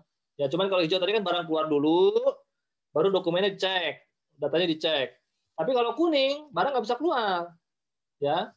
Jadi datanya dicek dulu oleh PVD. Gitu. Nah, untuk jalur kuning Bapak Ibu, bisa saja nanti berdasarkan penelitian data ini, PVD meminta dokumen asli. Ya, atau meminta dilakukan pemeriksaan fisik, boleh. Jadi misalnya berdasarkan data-data yang ada di di sistem, oh saya kayaknya harus lihat aslinya nih. Jadi nanti bisa ngasih respon ke eh, teman-teman importir atau PBJK, tolong menyerahkan dokumen asli terhadap terhadap importasi jalur kuning ini. Atau dilakukan pemeriksaan fisik boleh juga. Jadi nanti PVD menetapkan bahwa dokumen ini harus dilakukan pemeriksaan fisik, boleh. Ya, jadi nanti berdasarkan penelitian eh, apa namanya oleh PVD ini apakah perlu penelitian dokumen lebih lanjut, apakah perlu pemeriksaan fisik. Tapi kalau misalnya nggak perlu, maka PVD atau pemeriksaan dokumen bisa saja langsung menerbitkan surat persetujuan pengeluaran barang. Kalau ada masalah, ya, cek data segala macam, oh, oke lah ini, udah bisa keluar barangnya. Itu. Nanti responnya SPPB kalau sudah disetujui untuk bisa dikeluarkan dari kawasan pabean. Kalau misalnya harus diperbaiki, ya eh, apa namanya nilai pabeannya atau tarifnya, ya keluarin notul. Kembali lagi sama kayak tadi jalur hijau tadi. Jadi prosesnya sama kalau kena kalau kena notul, gitu. Itu jalur kuning. Untuk yang jalur merah, untuk yang jalur merah nanti responnya namanya SPJM atau surat pemberitahuan jalur merah. Jadi si importir nanti dapat respon SPJM memberitahukan kalau barangnya harus dilakukan pemeriksaan fisik ya. Nah, berdasarkan SPJM ini ya nanti importir akan mempersiapkan barangnya di lokasi pemeriksaan fisik ya. Setelah selesai setelah di, di siap, maka nanti importir akan memberitahukan ke bea cukai ya bahwa barangnya telah telah siap untuk melakukan pemeriksaan fisik gitu ya. Kemudian nanti lakukan pemeriksaan fisik, ya. Kemudian nanti pemeriksa fisik akan menerbitkan laporan hasil pemeriksaan atau LHP. Laporan hasil pemeriksaan fisik ini nanti dicek lagi oleh PVD membandingkan data di sistem dengan data hasil pemeriksaan fisik seperti apa sama apa enggak, ada barang berbeda apa enggak, ada barang lain apa enggak, ya itu. Kalau misalnya oke, okay, nggak ada masalah, maka akan terbit SPPB atau surat persetujuan pengeluaran barang. Kalau misalnya ada nota pembetulan, maka sama kayak tadi, bisa terbit SPTMP, bisa terbit SPPJ, atau bisa terbit SPBL. Ya, tapi untuk yang misalnya AEO atau MITA, AEO atau MITA yang terkena merah random, AEO atau MITA yang terkena merah random, ya atau melakukan kegiatan impor sementara pasti merah juga, ya. Atau reimpor, ya. AEO atau MITA melakukan kegiatan reimpor dari barang dari importasi ini adalah importasi reimpor atau impor sementara, maka dia akan kena jalur merah, ya. Nah nanti terbitnya responnya bukan SPJM tapi SPPF. Surat pemberitahuan pemeriksaan fisik. Artinya untuk AEO dan MITA, walaupun dia terkena jalur merah, dia bisa dilakukan pemeriksaan fisiknya di lokasinya si importir atau tempat penimbunan importir tanpa perlu mengajukan permohonan ke kepala kantor. Ya. Nanti keluar instruksi pemeriksaan, pemeriksaan fisik, pemeriksaan fisik bikin LHP dan seterusnya sama kayak tadi jalur merah yang biasa. Begitu. Ya. Setelah dilakukan uh, penyelesaian kalau kena notul atau kelas setelah setelah, setelah apa namanya terbitan SPPB, maka importir akan merespon SPPB ini, ya. Dan SPPB ini akan dibawa ke tempat penimbunan untuk diproses lebih lanjut sehingga bisa dikeluarkan dari kawasan pabean. Sampai sini Bapak Ibu, ada pertanyaan untuk jalur hijau, merah, dan kuning. Ada Pak, mau tanya. Monggo. Uh, Pak, untuk uh, apa proses SPJK dan SPJM itu uh, prosesnya berapa lama ya Pak sampai mendapat respon SPPB? Oke, Kalau menurut aturannya, menurut aturannya, penelitian dokumen di PVD ini itu sampai 30 hari. Jadi PVD punya kewenangan untuk melakukan pemeriksaan dokumen sampai 30 hari. Tapi ya, tapi 30 hari itu kelamaan ya enggak? Nah, ya. biasanya setiap kantor itu punya janji layanan. Janji layanan itu apabila sesuai ya. Artinya barangnya sesuai, eh, barangnya cuma satu misalnya, ya janji layanannya berlaku. Misalnya janji layanan di Tanjung Priok misalnya tiga hari. Pemeriksaan di PVD itu maksimal tiga hari gitu ya. Hmm, nah, untuk okay. jalur kuning, jalur ya, merah, PVD-nya aja tiga hari. Untuk okay. yang jalur merah, kan ada pemeriksaan fisik nih. Iya, Pak. Setelah SPJM, importir harus menyampaikan kesiapan barang. Ya, hmm. kesiapan barang kalau di Priuk itu kan dia 247 ya kantornya. Dia harus menyampaikan besok sebelum jam 12. Nggak peduli besoknya hari libur, nggak peduli besoknya hari Minggu atau hari libur nasional. Pokoknya besok sebelum jam 12 ya, ya importir ya. harus menyampaikan ke bea cukai bahwa barangnya siap diperiksa. Kalau hmm. kantornya belum 247, kantor Semarang, kantor Lampung, kantor Surabaya, eh, apa namanya, Perak atau Mas gitu ya, bea cukainya itu belum 247. Artinya penyampaiannya besok sebelum jam 12, tapi besoknya harus hari kerja. Jadi kalau misalnya responnya dari Jumat malam atau Sabtu malam, maka prosesnya hari Senin. Gitu. Tapi kalau di Priuk atau di Soekarno Hatta, yang udah 247, pelayanannya 247, 247, 24 jam, 7 hari seminggu. Kalau udah dapat hmm. respon, SPJM harus periksa, besok sebelum 12 harus diberikan kesiapan barang. Nanti pemberitaan kesiapan barang akan terbit namanya instruksi pemeriksaan. Nah, pemeriksaan barang harus dilakukan satu jam. Satu jam setelah kesiapan barang disampaikan oleh importir, satu jam, pemeriksa harus melakukan pemeriksaan fisik. Gitu, satu jam. Gitu. Tapi berapa lama proses pemeriksaan fisik? Ya tergantung barangnya. Kalau barangnya ada 200 item, ada 20 kontainer, ya pasti lama pemeriksaan fisiknya. Ya kan? Tapi kalau barangnya misalnya satu koli, cuma satu jenis, ya mungkin 15 menit selesai. Gitu. Jadi pemeriksaan fisik tergantung dari uh, jumlah barang atau jenis barang yang disampaikan di PIB. Boleh nggak teman-teman pemeriksa fisik minta bantuan untuk dilakukan pemeriksaan fisik uh, oleh uh, pemeriksa fisik yang lain. Oh bisa saja. Jadi nanti dia menyampaikan ke uh, kepala seksinya bahwa barangnya banyak atau itemnya banyak, maka dia minta bantuan pemeriksaan fisik. Jadi nanti mungkin ada pemeriksaan fisiknya dua atau tiga tambahan gitu. Tapi kalau dia bilang kalau dia sanggup, ya udah dia sanggup aja. Tapi mungkin agak lama jadi prosesnya. Jadi proses pemeriksaan fisik tergantung barangnya. Tapi rata-rata sehari dua hari udah selesai. Ya. Jadi kalau untuk jalur merah Ya, jalur merah biasanya ya kalau kita lihat di sini ya. Ya, ya jalur merah. Kalau jalur merah di sini ya rata-rata antara tiga mungkin sampai lima hari lah. Ini. Tiga sampai lima hari jalur merah. Kecuali kalau misalnya harus dimasukkan ke lab, misalnya berdasarkan penelitian PVD, ah ini hasil pemeriksaan fisik kok katanya pemeriksa barangnya beda nih. Tapi saya juga nggak yakin. Saya masukin lab dulu ya, ya nambah lagi, nggak nggak nggak lima hari, mungkin nambah lagi dua hari, nambah lagi lima hari lagi karena hasil labnya harus diterima dulu gitu ya kayak misalnya apa barang-barang kimia tekstil mungkin kan harus masuk lab dulu ya. Nah tapi nggak harus masuk lab ya. Tapi apabila misalnya PVD yang nggak usah masuk lab ini udah oke okay kok. Ya bisa saja proses gitu. Ya. Nah untuk jalur kuning karena tidak akan pemeriksaan fisik ya berarti pemeriksaan dokumen doang kan? Ya satu sampai tiga hari. Ada jalur kuning yang periksa sehari setengah hari udah SPPB ada yang dua hari belum SPPB ada juga gitu. Jalur hijau ya langsung ya. Saat hmm. transfer data langsung respon jalur hijau hitungannya menit gitu. Gitu sih bu tapi ini okay. ini ini teori ya ini teori yeah. kenyataan di lapangannya berbe berbeda bisa saja berdasarkan hasil atau jumlah jenis barangnya gitu iya oke okay, pak terima kasih oke okay. matur sun sama-sama pak Kurniawan yang mau lain. tanya dong pak halo mau tanya pak boleh boleh ayo bu Oh, ibu saya. dulu ibu. Hmm. Tadi ada ibu suara dulu. masuk. Oke, jadi gini Pak, seumpama nih sore kita dapat SPJM gitu kan, hmm. kemudian hmm. kita langsung upload Slim tuh Pak untuk memasukkan dokumen semua kan gitu loh. Oke, Kalau betul. upload, uh, uh, kemudian kan kita timbul barcode tuh di situ, baru besok paginya kita masukkan ku dokumen fisiknya ke pendok gitu. Itu pun hmm. harus di bawah jam 12 ya Pak untuk memasukkannya ya? Iya, PKB, pemberitahuan kesiapan barang di bawah jam 12. Kalau seandainya lebih dari jam 12, Pak, misalnya ada kekurangan dokumen atau apa gitu, apa Pak eh, konsekuensi buat kita, PPJK misalnya? Oke, nggak ada sih. Paling di itu aja blokir. Bah, pemblokir. Seperti itu ya blokir ya biasanya. Iya, ya, blokir artinya uh, eh, NPWP PPJK-nya tidak bisa melakukan kegiatan transfer data. sampai dokumen yang tadi itu disampaikan gitu.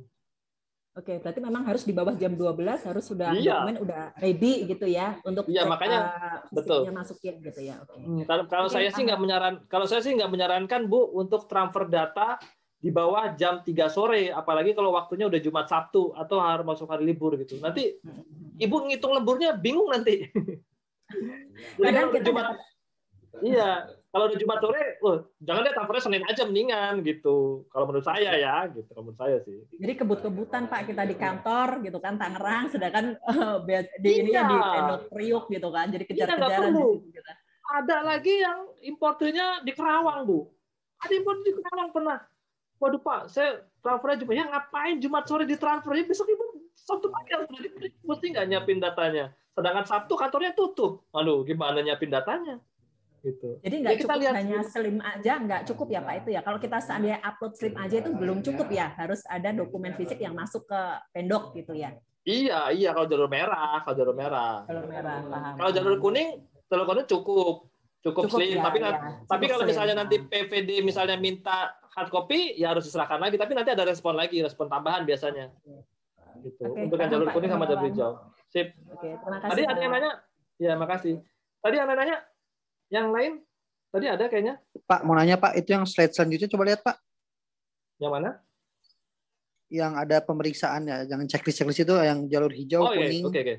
Oh, ya, ini, ya, ini, ini uh, yang nomor lima tuh memang periksa dokumen Pak ya?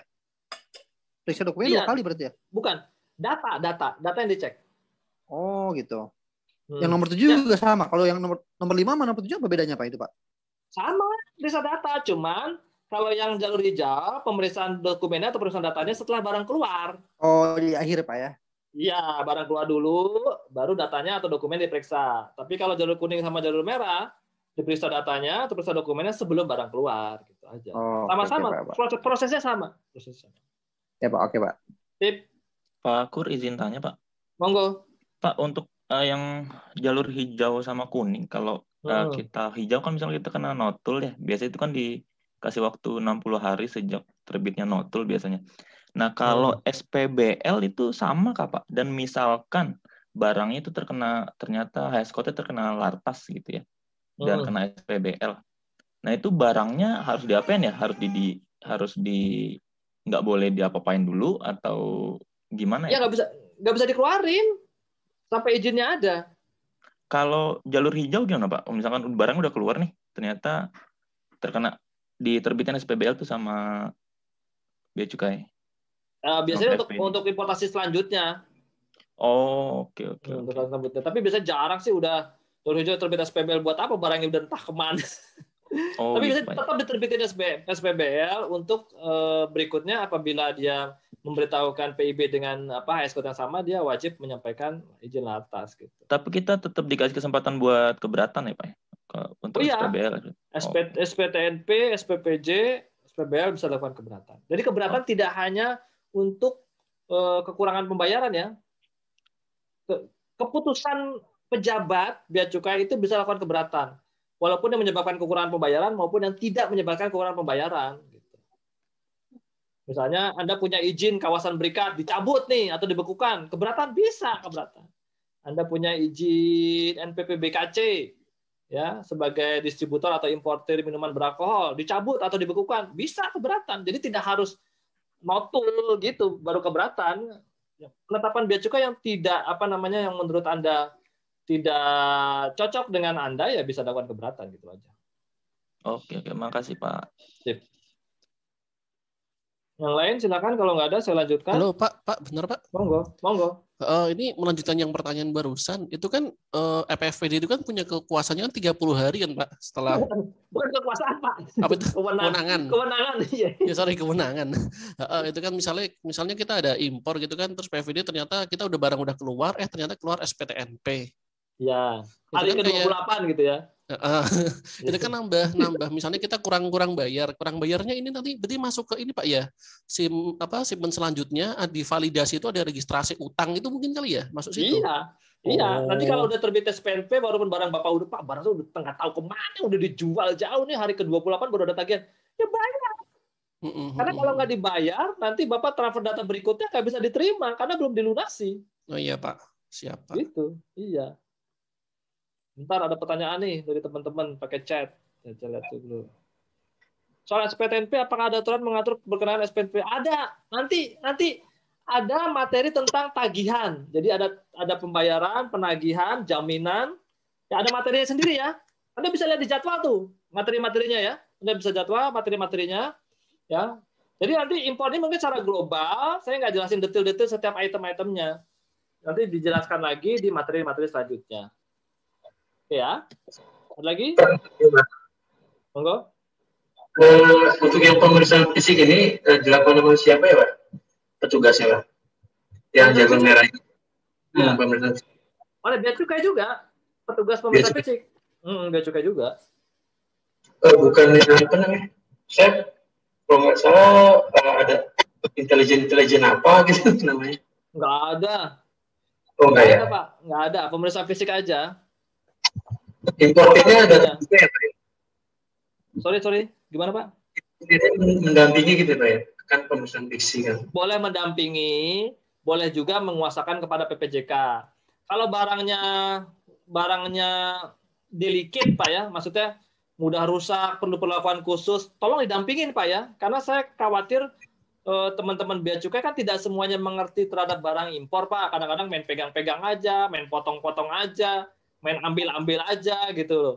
Ya. Nah, kalau barangnya mahal atau rusak gara-gara diambil sembarangan ya Bapak, saya sarankan Bapak Ibu tetap harus mendampingi ya. Jadi nanti bisa, Pak saya mau minta contohnya. Oke Pak, saya ambilin contohnya tapi caranya gini gitu ya. Pak saya mau ambil ininya. Apa? Sorry? 100% diperiksanya Pak ya?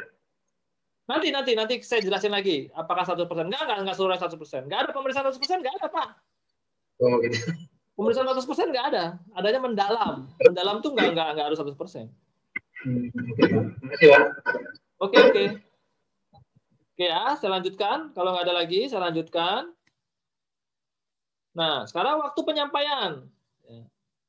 Waktu penyampaian PIB ya untuk kantor bea cukai 247. Tapi kalau udah sistem kalau jalur hijau nggak usah ini ya. Ini untuk yang jalur merah atau jalur kuning ya. Kalau diminta datanya hari berikutnya. Jadi mau hari berikutnya hari Minggu, hari berikutnya hari libur nasional tetap harus disampaikan.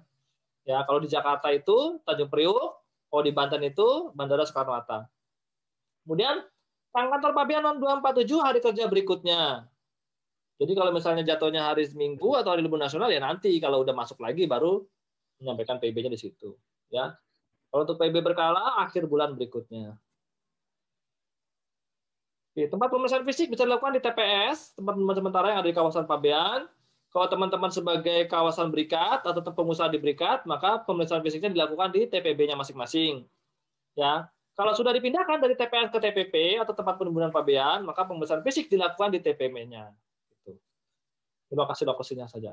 Boleh nggak pemeriksaan fisiknya di lokasi importer? Boleh, tapi harus izin ke kepala kantor. Ya, izin kepala kantor dapat persetujuan, barang dikeluarkan, timbun di lokasi importer, nanti lakukan pemeriksaannya di lokasi importer boleh juga. Pemeriksaan fisik bisa dilakukan menggunakan alat tertentu, ya, misalnya oleh pemindai peti kemas, ya, X-ray atau gamma ray bisa. Tapi kalau misalnya pemeriksaan fisik oleh manusia bisa juga oleh teman-teman petugas bea cukai pemeriksaan fisik juga boleh. Misalnya kalau untuk yang X-ray atau gamma ray misalnya eh, Bapak Ibu impor misalnya eh, tepung terigu misalnya 25.000 karung ya terus per karungnya 50 kilo, misalnya ada 100 kontainer, ya udah daripada dibongkar semua, ajukan saja pemeriksaan fisik menggunakan X-ray. Jadi nanti di random ya eh, barang-barang mana yang masuk ke dalam X-ray. Jadi nanti sisanya nggak dibongkar. X-ray pun nanti nggak dibongkar. Ya. Nah ini contoh X-ray ya, bisa kelihatan dalamnya seperti apa. Ya. Nah syarat untuk bisa eh, diperiksa menggunakan X-ray atau gamma ray, ya Pertama, importir harus importir yang berisiko rendah. Jadi importirnya harus low risk importir. Ya, yang terkena jalur merah acak. Jadi low risk importir terkena jalur merah acak, gitu ya. Misalnya manufacturer terkena random jalur merah, ya itu boleh ngajuin sebagai eh, sorry, ngajuin pemeriksa dengan X-ray. Jalur merah boleh juga untuk satu jenis barang dan satu pos tarif. Ya, barang dari peti kemas berpendingin boleh, Barang analisis intelijen NHI atau NI boleh diperiksa fisik pakai uh, X-ray. Barang peka udara boleh ajukan pemeriksaan fisik pakai X-ray atau barang-barang lainnya berdasarkan pertimbangan pejabat. Jadi diajukan aja dulu, nanti pejabat yang pejabat bea cukai nanti akan menilai apakah barang ini bisa dilakukan pemeriksaan menggunakan X-ray atau enggak, gitu aja. Nah, sekarang untuk pemeriksaan fisik nih, tadi kan ditanya ini, fisik 100%? Enggak. Ya. Pemeriksaan fisik itu dilakukan hanya dua, 10% atau 30%. Ingat ya, pemeriksaan fisik itu dilakukan hanya dua, 10% atau 30%. Mana yang masuk 10%? Yang masuk 10% itu untuk importer yang low risk, jalur hijau, yang terkena random, itu pemeriksaan fisiknya hanya 10%. Ya. Untuk yang medium high risk, jalur kuning, jalur merah, ya, apabila dia terkena pemeriksaan fisik, yang diperiksa fisik hanya 30% juga, jadi nggak 100%. Nah, apabila, ini hanya apabila ya, belum tentu. Apabila dalam proses pemeriksaan fisik 10% atau 30% ini, ternyata barangnya tidak sesuai loh ini kan kotaknya harusnya isinya 12 set nih. Tadi cek cuma 10 set, atau salah. Coba kotak berikutnya lagi. Nah, kotak berikutnya malah 14 set, atau salah lagi. Nah, apabila dalam proses pemeriksaan fisik ternyata ada kesalahan atau ketidaksesuaian antara barang dengan dokumen, nah ini meningkat nih dari 10% atau 30% meningkat menjadi pemeriksaan mendalam. Jadi meningkat. Jadi tapi tidak harus gitu. Kalau nanti dalam prosesnya bisa ada kesalahan atau tidak kesesuaian baru bisa mendalam. Nah, berapa persen pemeriksaan mendalam? Nggak ditentukan di dalam Permen Q-nya. Ya, ada Permen Q tentang pemeriksaan fisik. Di pemeriksaan fisik itu, berdasarkan professional adjustment, penelitian secara profesional dari si dari pemeriksa dokumen ini, eh, pemeriksa barang ini, bahwa pemeriksaan mendalam ini telah cukup, walaupun hanya cuma 70%, walaupun cuma 40%, walaupun cuma 50% sudah cukup, mewakili semua. Ya udah, berarti udah selesai. Tapi ada juga berdasarkan penelitian apa namanya, berdasarkan professional adjustment pemeriksa, ini harus dilakukan seluruhnya. Gitu. Ya udah seluruhnya harus diperiksa. Jadi pemeriksaan mendalam itu ya nanti berdasarkan professional adjustment dari si pemeriksa fisik gitu ya. Nah, apabila tidak sampai sini, apabila sama 10% sama 30%, ya, pemeriksa hanya bertanggung jawab terhadap barang-barang yang diperiksanya saja. Jadi misalnya gini, oh, ini kan kena pemeriksaan fisik 10%. Diperiksa fisik 10% sama sama pemeriksaan fisik ternyata barangnya sesuai semua. Gitu. Pas di luar ternyata ada NHI ya atau NI. Udah SPPB, NHI atau NI, barang dibongkar lagi. Ternyata ada barang-barang yang nggak sesuai. Ya. Terus gimana? Ya pemeriksaan fisik nggak masalah. Ya, karena dia hanya bertanggung jawab terhadap barang-barang yang diperiksa saja. Makanya biasanya pemeriksa fisik apabila memeriksa suatu barang biasanya dia akan menandai menandai barang-barang yang dilakukan yang sudah dilakukan pemeriksaan fisik oleh dia. Kardusnya ditanda tangan atau kardusnya dikasih apa namanya eh, barang-barang ini misalnya dikasih kode-kode gitu sehingga dia tahu bahwa barang-barang yang sudah periksa fisik ini sudah dilakukan pemeriksaan seperti itu. Nah, gimana cara ngitungnya 10% dan 30%? Pertama untuk yang 10% dulu. Ya apabila barangnya dalam bentuk eh, di dalam peti kemas, jumlahnya banyak dalam peti kemas, kalau jumlah peti kemasnya di bawah 5, maka 10% dari jumlah kemasan. Ya, 10% dari jumlah kemasan, minimal dua kemasan. Boleh nggak 10% dari jumlah kemasan, tapi kontainer berbeda-beda? Boleh. Jadi kontainer pertama, misalnya ada tiga kontainer ya. Kontainer pertama 10%, kontainer kedua 10%, kontainer ketiga 10%. Boleh kayak gitu. Boleh nggak misalnya 10% dari kontainer satu doang? Boleh juga. Jadi profesional adjustment si teman-teman pemeriksa fisik aja gitu. Minimal yang diperiksa harus dua kemasan. Apabila barangnya lebih dari lima kontainer, maka 10%-nya dilihat dari jumlah kontainernya minimal 5 eh minimal satu peti kemas. Ada yang resen silakan. Monggo. Iya, Pak Pur, uh, mau nanya Pak. Boleh. Jadi kan saya itu kan nggak importnya itu satuannya itu kan dalam bentuk tonase ya, bukan dalam bentuk jumlah. Nah itu berarti hmm. kalau pemeriksaan fisiknya itu apa ditimbang semuanya apa gimana ya Pak? Eh, tonase gimana maksudnya barangnya apa? Barangnya itu kan coil galvalum gitu. Cuman saya pas oh, da iya. uh, daftarnya itu kan saya dalam bentuk tonase. Jadi ya. saya itu nggak nggak masukin ada berapa coilnya. Jadi nanti untuk pemeriksaan fisiknya itu bagaimana Pak? Harganya pakai harga harga kilo juga ya? Hitungannya itu dia ya per, per kilo per ton gitu ya. Hmm. Tapi itu kalau kalau galvanis gitu tuh pakai palet nggak sih? Apa nggak nggak pakai palet ya? Langsung aja ya? Pakai dia dia digulung gitu iya. Pakai pakai. Iya. Satu gulung itu satu palet ya? Apa apa dua gulung satu palet? Hitungannya gimana biasanya di palet uh, itu? Kan kalau satu gulung itu dia kalau misalkan rata-rata itu dia empat ton ya, cuman dia tuh nggak nggak eh, bisa lebih bisa kurang gitu. Jadi kan kalau misalkan 70 ton itu kalau misalkan emang dia itu lebih dari empat ton kan kemungkinan uh, jumlah koilnya kan bisa lebih gitu pak. Iya. Hmm. Nah cuman nanti kalau misalkan pemeriksaan fisik itu gimana ya pak kalau hitungannya? Enggak kalau saya dulu di pemeriksaan fisik juga sering meriksa koil ya jumlahnya aja. Oh tapi jumlahnya saya pas aja. Saya pas di uh, registrasi itu saya nggak masukin jumlah koilnya pak, cuman hanya tonasenya doang itu nggak apa-apa ya? Nggak apa-apa juga. Kan lihat dari dari harga barangnya. Harga barangnya pakai uh, kilogram apa pakai ton apa pakai apa apa pakai pieces? Pakai ton dia.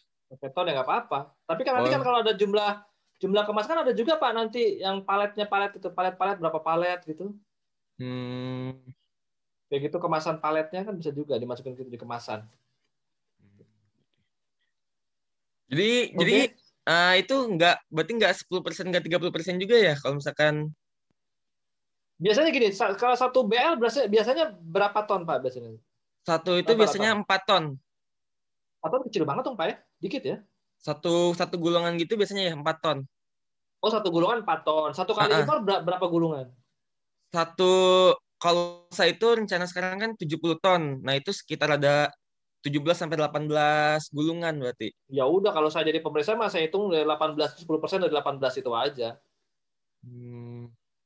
Kan itu kan kemasan kan, kemasannya kan berarti gulung kan istilahnya kan. Iya. Tapi saya pas uh, ngeregisnya itu pak nggak nggak nyantumin jumlah kemasannya Kemasan. itu pak. Uh -uh.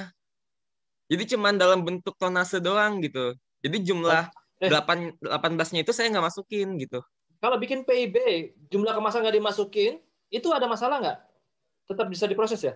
Oh, saya sih ini baru impor yang pertama kan, jadi emang belum tahu sih prakteknya. Oh enggak, uh, maksudnya kan kalau bikin PIB kan kalau misalnya sudah benar semua datanya valid, dia kan uh -huh. ada komplit gitu ya status status PIB-nya kan komplit. Nah uh -huh. kalau anda nggak ngisi jumlah kemasannya atau memasukkan jenis kemasannya, dia masih komplit nggak? Oh jadi kalau misalkan oh pas PIB-nya itu ya kan saya kan menggunakan forwarder ya pak. Hmm. Jadi hmm. saat saya di uh, registrasi di Sinas sama Inantret itu kan dalam bentuk konase. Jadi kalau misalkan di PIB-nya itu dicantumin jumlah kemasannya itu juga bisa ya Pak. Yang penting sejumlah 70 hmm. ton gitu ya. Jadi kan nanti di PIB, Pak, di PIB itu kan nanti ditanyanya dua biasanya. Hmm. Jumlah ba uh, harga barangnya pakai pakai apa? Apakah pakai pieces, apa pakai kilo hmm. gitu. Ya kan? Oh. Nah, tapi kemasannya juga ditanyain biasanya di PIB nanti. Uh, Dalam pieces ini berapa kemasan? Misalnya Bapak misalnya impor misalnya eh apa misalnya apel lah ya, apel misalnya 12 eh, ton. Itu ya, apel kan 12 ton. Harganya Bapak pakai kilo misalnya kan, misalnya 20.000 per kilo. Gitu kan ya? Yeah. Tapi kemasannya apel kan nggak nggak gelondongan gitu kan. Apel kan dikemas dalam beberapa karton kan. Misalnya kemasannya satu karton misalnya 25 kilo atau 30 kilo. Berarti misalnya ada 100 karton gitu. Kayak gitu, Pak. Hmm. Oh, jadi nanti pas di PIB-nya aja ya, Pak? Di Iya. Oh ya. Sama kayak koil lah, koil. Bapak belinya misalnya per kilo harga kilonya misalnya 7.000 perak, Bapak beri misalnya 20 ton gitu ya. Tapi 20 ton itu dalam kemasan koil. Koilnya berapa? Koilnya 17 gitu. Sama kan kayak gitu. Oh iya. Siap. Gitu. Kasih Pak Kur. Sip. Yang lain? Silakan. Pak, mau nanya nih Pak. Boleh. Siang. Uh, mau nanya nih. Kalau hmm. misalnya hmm. nih Pak, kan udah dilakukan pemeriksaan fisik nih. Hmm.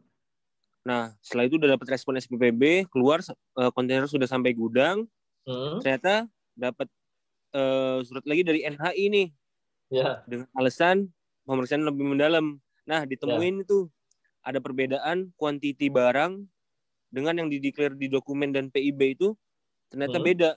Lebih banyak yang uh, fisik daripada dokumen. Itu apakah okay. bakal kena SPTNP nggak, Pak? Bisa. Bisa nanti di panel namanya penelitian ulang. Jadi nanti oh. ada kalau panel itu kan sampai dua tahun. Berdasarkan NHI bisa ditemukan tidak ada tidak ditemukan ketidaksesuaian jumlah atau jenisnya, nanti dibuat lagi nota pembetulan tapi namanya panel. Oh, oke okay. Okay, Gitu. Itu tanda tangan nanti langsung kepala kantor. Gitu. Oke oke oke. Baik, terima kasih Pak. Oke oke, monggo. Silakan yang lain kalau nggak ada, monggo. Kapur. Yes. Nyambung yang barusan ini ya. Oh. Uh, berarti kalau pengusaha juga deg-degan terus ya Pak ya selama dua tahun ya. Eh. Gimana eh, itu Pak ya? Gimana kalau nggak mau deg-degan? Saya kasih tahu caranya. Mau nggak saya kasih tahu cara supaya nggak deg-degan? Nah, gimana itu Pak? Ya jujur kalau Iya, enggak maksudnya kita mama udah jujur, kita udah yeah. ketika oh. kan kali lalu ada diskusi ya di grup ya Pak ya. Uh. Di antaranya umpama mereka menawarkan, mereka membuat propurma, kita membayar yeah. sesuai itu. Okay. komunikasi sudah kita lampirkan gitu kan Pak uh. ya. Bukti yeah. bayar sudah. Yes. Tapi somehow yang kami temukan nih Pak ya, uh. Ada ada defense dari mohon maaf dari pejabat ter terkait gitu ya. Iya. Kamu cuma ngimpor sedikit kok bisa harga segini, sementara yang lain harga mahal gitu atau whatever lah atau ketentuannya gitu. Umpama iya, kayak iya. gitu loh Pak. Nah, itu ya. gimana untuk mendefense untuk khususnya umpama sekarang ini dengan era globalisasi dengan UMKM bisa eh. membeli dengan mudah gitu ya Pak ya. Udah keluar nah, fotonya belum? Fotonya udah keluar belum? SPTNP-nya udah keluar. SPTNP-nya udah keluar belum? SPTNP-nya udah keluar belum? Udah. Ya keberatan aja. Keberatan. Oh gitu ya Pak ya? Iya dong, kan punya waktu 60 hari dari tagihan untuk melakukan keberatan. Jadi tidak harus bayar. Hmm. Kalau menurut Bapak ini eh, Bapak bisa mempertanggungjawabkan transaksinya, lakukan keberatan. Maksimal 60 hari dari tanggal tagihan. I see. Bapak, iya, jangan lewat 60 hari nanti gugur secara oh, okay. secara formil gugur gitu. Tapi menurut Bapak pengalaman kan Bapak udah terbiasa gitu bisa diluluskan ya Pak ya? Maksudnya keberatannya eh, keberatannya Bapak menang gitu? Diterima lah itu gitu Pak. Diterima. Iya kalau misalnya argumennya kuat, dokumennya mendukung bisa saja. Oh, oke. Oke. Nah. Oke. Ya. Oke Pak. Kalau misalnya Pak. kalau misalnya keberatan ditolak gimana? Ya itu tadi yang apa pajak ya Pak, pengadilan pajak banding, ya. Banding, iya banding, banding lagi ya? ke pengadilan gitu. Oh masih banyak caranya Pak kalau Bapak mau berargumen gitu. Keberatan sama banding lah gitu. Oke, okay. oke okay, Kalau nanti bisa, kalau nanti butuh bantuan, Bapak bisa hubungi saya ya di CBN. Nanti kita kasih bimbingan atau bantuan gimana caranya mengajukan keberatan atau mengajukan banding ke pengadilan pajak. Siap, Pak. Siap. Terima kasih, Pak. Terima kasih, terima kasih. Yang lain silakan. Kalau nggak ada saya lanjutkan Pak, nih. Maaf nih. mau tanya lagi, Pak. Boleh. Pak, kalau untuk sekarang kan ada ICOO ya, Pak. Kalau untuk elektronik S elektronik uh, COO ya. Iya, kalau untuk SPJM apakah COO hard copy originalnya harus disubmit sebelum jam 12 siang juga, Pak? Enggak. SEO kan udah enggak lihat di PMK 45 Bu tahun 2020. Ah, gitu. Jadi kalau oh. untuk originalnya hard copy-nya nggak usah disubmit juga ya, Pak? Nggak usah. Hmm. Kalau udah kalau udah SEO kan pejabat bea cukai bisa langsung langsung melakukan uh, browsing terhadap kebenaran SEO itu. Oh. Nah, SEO kan baru tiga bu ya. Yeah. SEO baru tiga loh. Baru ASEAN Korea apa namanya? ASEAN Korea ya, AK, mm -hmm. A3, ASEAN, sama China. Cuma tiga itu doang loh. Yang yeah, lain masih harus aslinya gitu. Iya, oke deh Pak. Makasih ya Pak. Ya, dan di PMK 45 eh, tahun 2020 ya tentang penyerahan FT SKA. Oke, kalau nggak ada, terlanjutkan 30 persen Ya, 30% ini kalau dari peti kemas, kalau peti kemasnya di bawah 5, maka 30% dari jumlah kemasan sama ini kayak di atas ya, minimal dua kemasan. Kalau peti kemasnya di atas 5, 30% dari jumlah peti kemas. Ya, minimal satu peti kemas. Untuk yang barangnya tidak pakai peti kemas atau less container load, ya, maka diperiksa sesuai dengan jumlah kemasannya. 10% dari jumlah kemasan, minimal dua kemasan, atau 30% dari jumlah kemasan, minimal dua kemasan juga. Gitu. Apabila 10% dan 30% ini ternyata ada ketidaksesuaian, barangnya berbeda, jumlah atau jenisnya, maka dilakukan pemeriksaan mendalam.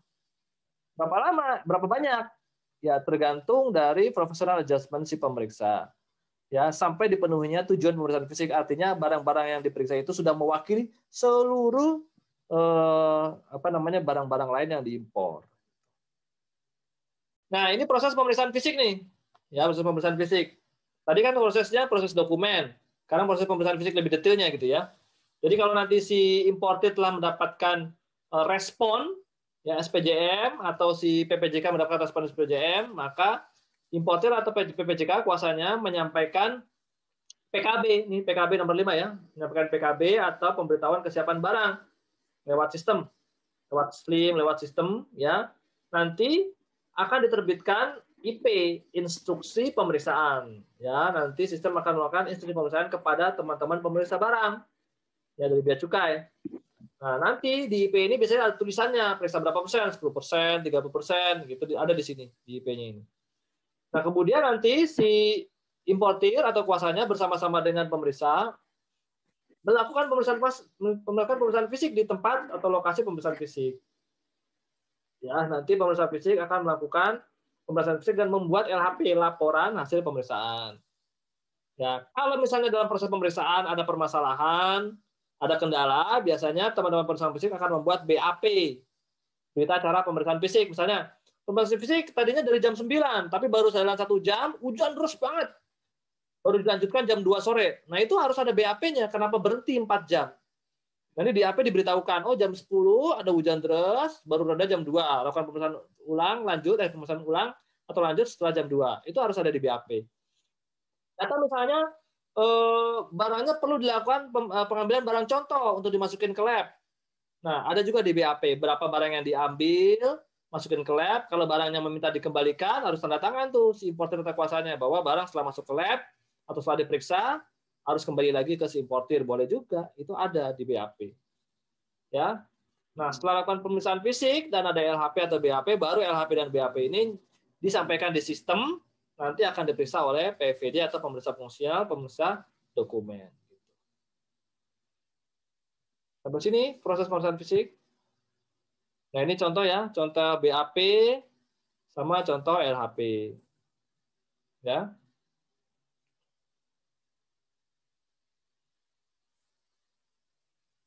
Ini ya, kalau kendala pemeriksaan ya, buruhnya nggak ada, alatnya nggak ada, nanti ditulis di sini.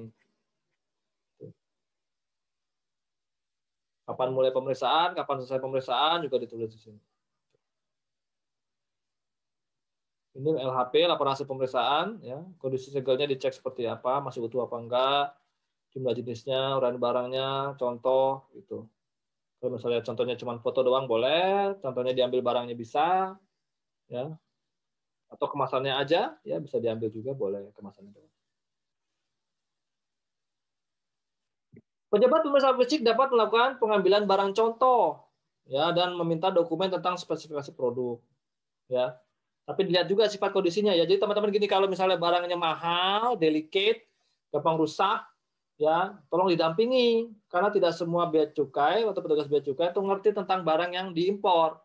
Misalnya Pak ini barangnya nggak boleh kena matahari, Pak barangnya nggak boleh kena udara, rusak gitu ya. Apa kalau mau barang contoh nggak bisa main potong aja karena nanti kalau dipotong misalnya fungsinya jadi barang nanti misalnya nggak nggak berfungsi lagi barangnya rusak. Nah, bisa saja sampaikan itu ke bea cukainya. Gitu ya. Pengambilan barang contoh dicatat dalam berita acara pemeriksaan fisik. Pak mau nanya Pak? Ya. saya Monggo. Boleh silakan Pak itu untuk barcon itu ada ketentuannya nggak sih Pak misalnya eh, dari barcon satu atau lebih dari satu atau berapa gitu kalau tergantung sih kalau kalau barang-barang yang masuk ke lab biasanya tergantung juga ya.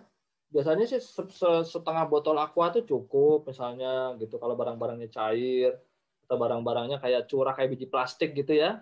Biasanya hmm. satu botol botol aqua kecil itu bisa sih cukup gitu. Tapi kalau misalnya barang-barangnya bukan e, cair atau barang-barang butiran gitu ya mungkin misalnya kayak pakaian gitu ya, misalnya diambil satu setel bisa juga gitu misalnya ban ya diambil satu ban gitu dari setiap jenis boleh juga gitu. Tapi kalau misalnya Bapak Ibu berpikir bahwa barang ini harus dikembalikan karena harganya mahal, jadi tulis di BAP barang harus dikembalikan setelah dilakukan pemeriksaan eh, fisik atau dilakukan pengambilan barang contoh boleh. Tanda tangan nanti jadi bisa diambil lagi nanti barangnya kalau udah selesai. Kalau udah SPPB barang yang diambil sebagai barang contoh bisa diambil lagi gitu. Kayak gitu. Gimana? Pertanyaan lagi? Nggak ada? Lanjut ya. Oke, kemudian hasil pemeriksaan fisik nanti akan dilanjutkan dengan pemeriksaan dokumen oleh teman-teman PVD, pejabat fungsional pemeriksa pemeriksa dokumen. Nanti akan memeriksa apakah objeknya suatu transaksi jual beli apa enggak. Nanti ada materi sendiri khusus untuk mempelajari tentang nilai pabean dua hari lagi itu ya. Jadi satu harinya teorinya, satu harinya lagi praktek kita cara ngitung-hitungnya.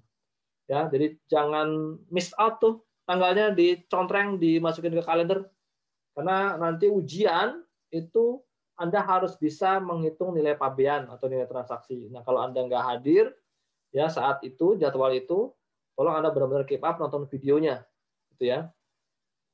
Nah, kemudian PVD akan meneliti persyaratan nilai transaksi. Nah, semua ini ya, semua yang dilakukan oleh PVD ini nanti akan kita pelajari lebih detail di materi tentang penelitian nilai pabean. Ya, jadi saya tidak akan bicara lebih detail, nanti disampaikan lebih detail di materi tersebut. Oke, kemudian tidak dilakukan penelitian pabean untuk importir produsen dengan kategori resiko rendah. Ya, jadi untuk yang manufacture mungkin ya, yang low risk gitu, jalur hijau, tidak melakukan penelitian nilai pabean. Ya, jadi ya udah nanti kan diaudit juga gitu. Ngapain dicek sekarang? Teman-teman mitra pabeanan atau IO juga atau importir melakukan pelaporan khusus. Ya, jadi ini nanti ada undang-undang sendiri sih. Nggak semua importir dilakukan ini. Oke, kemudian apabila penelitian tarif nilai pabeanan sudah selesai, ya, dan tidak ada masalah, maka PVD akan menerbitkan SPPB surat persetujuan pengeluaran barang. Barang bisa dikeluarkan dari pelabuhan atau kawasan pabean. Kalau misalnya barangnya menurut PVD ini harus pindah HS code dan HS code yang telah baru ini ternyata merupakan barang latas, maka keluarnya surat penetapan barang latas. Si importer harus e, melampirkan barang latasnya atau meminta pengecualian dari instansi terkait.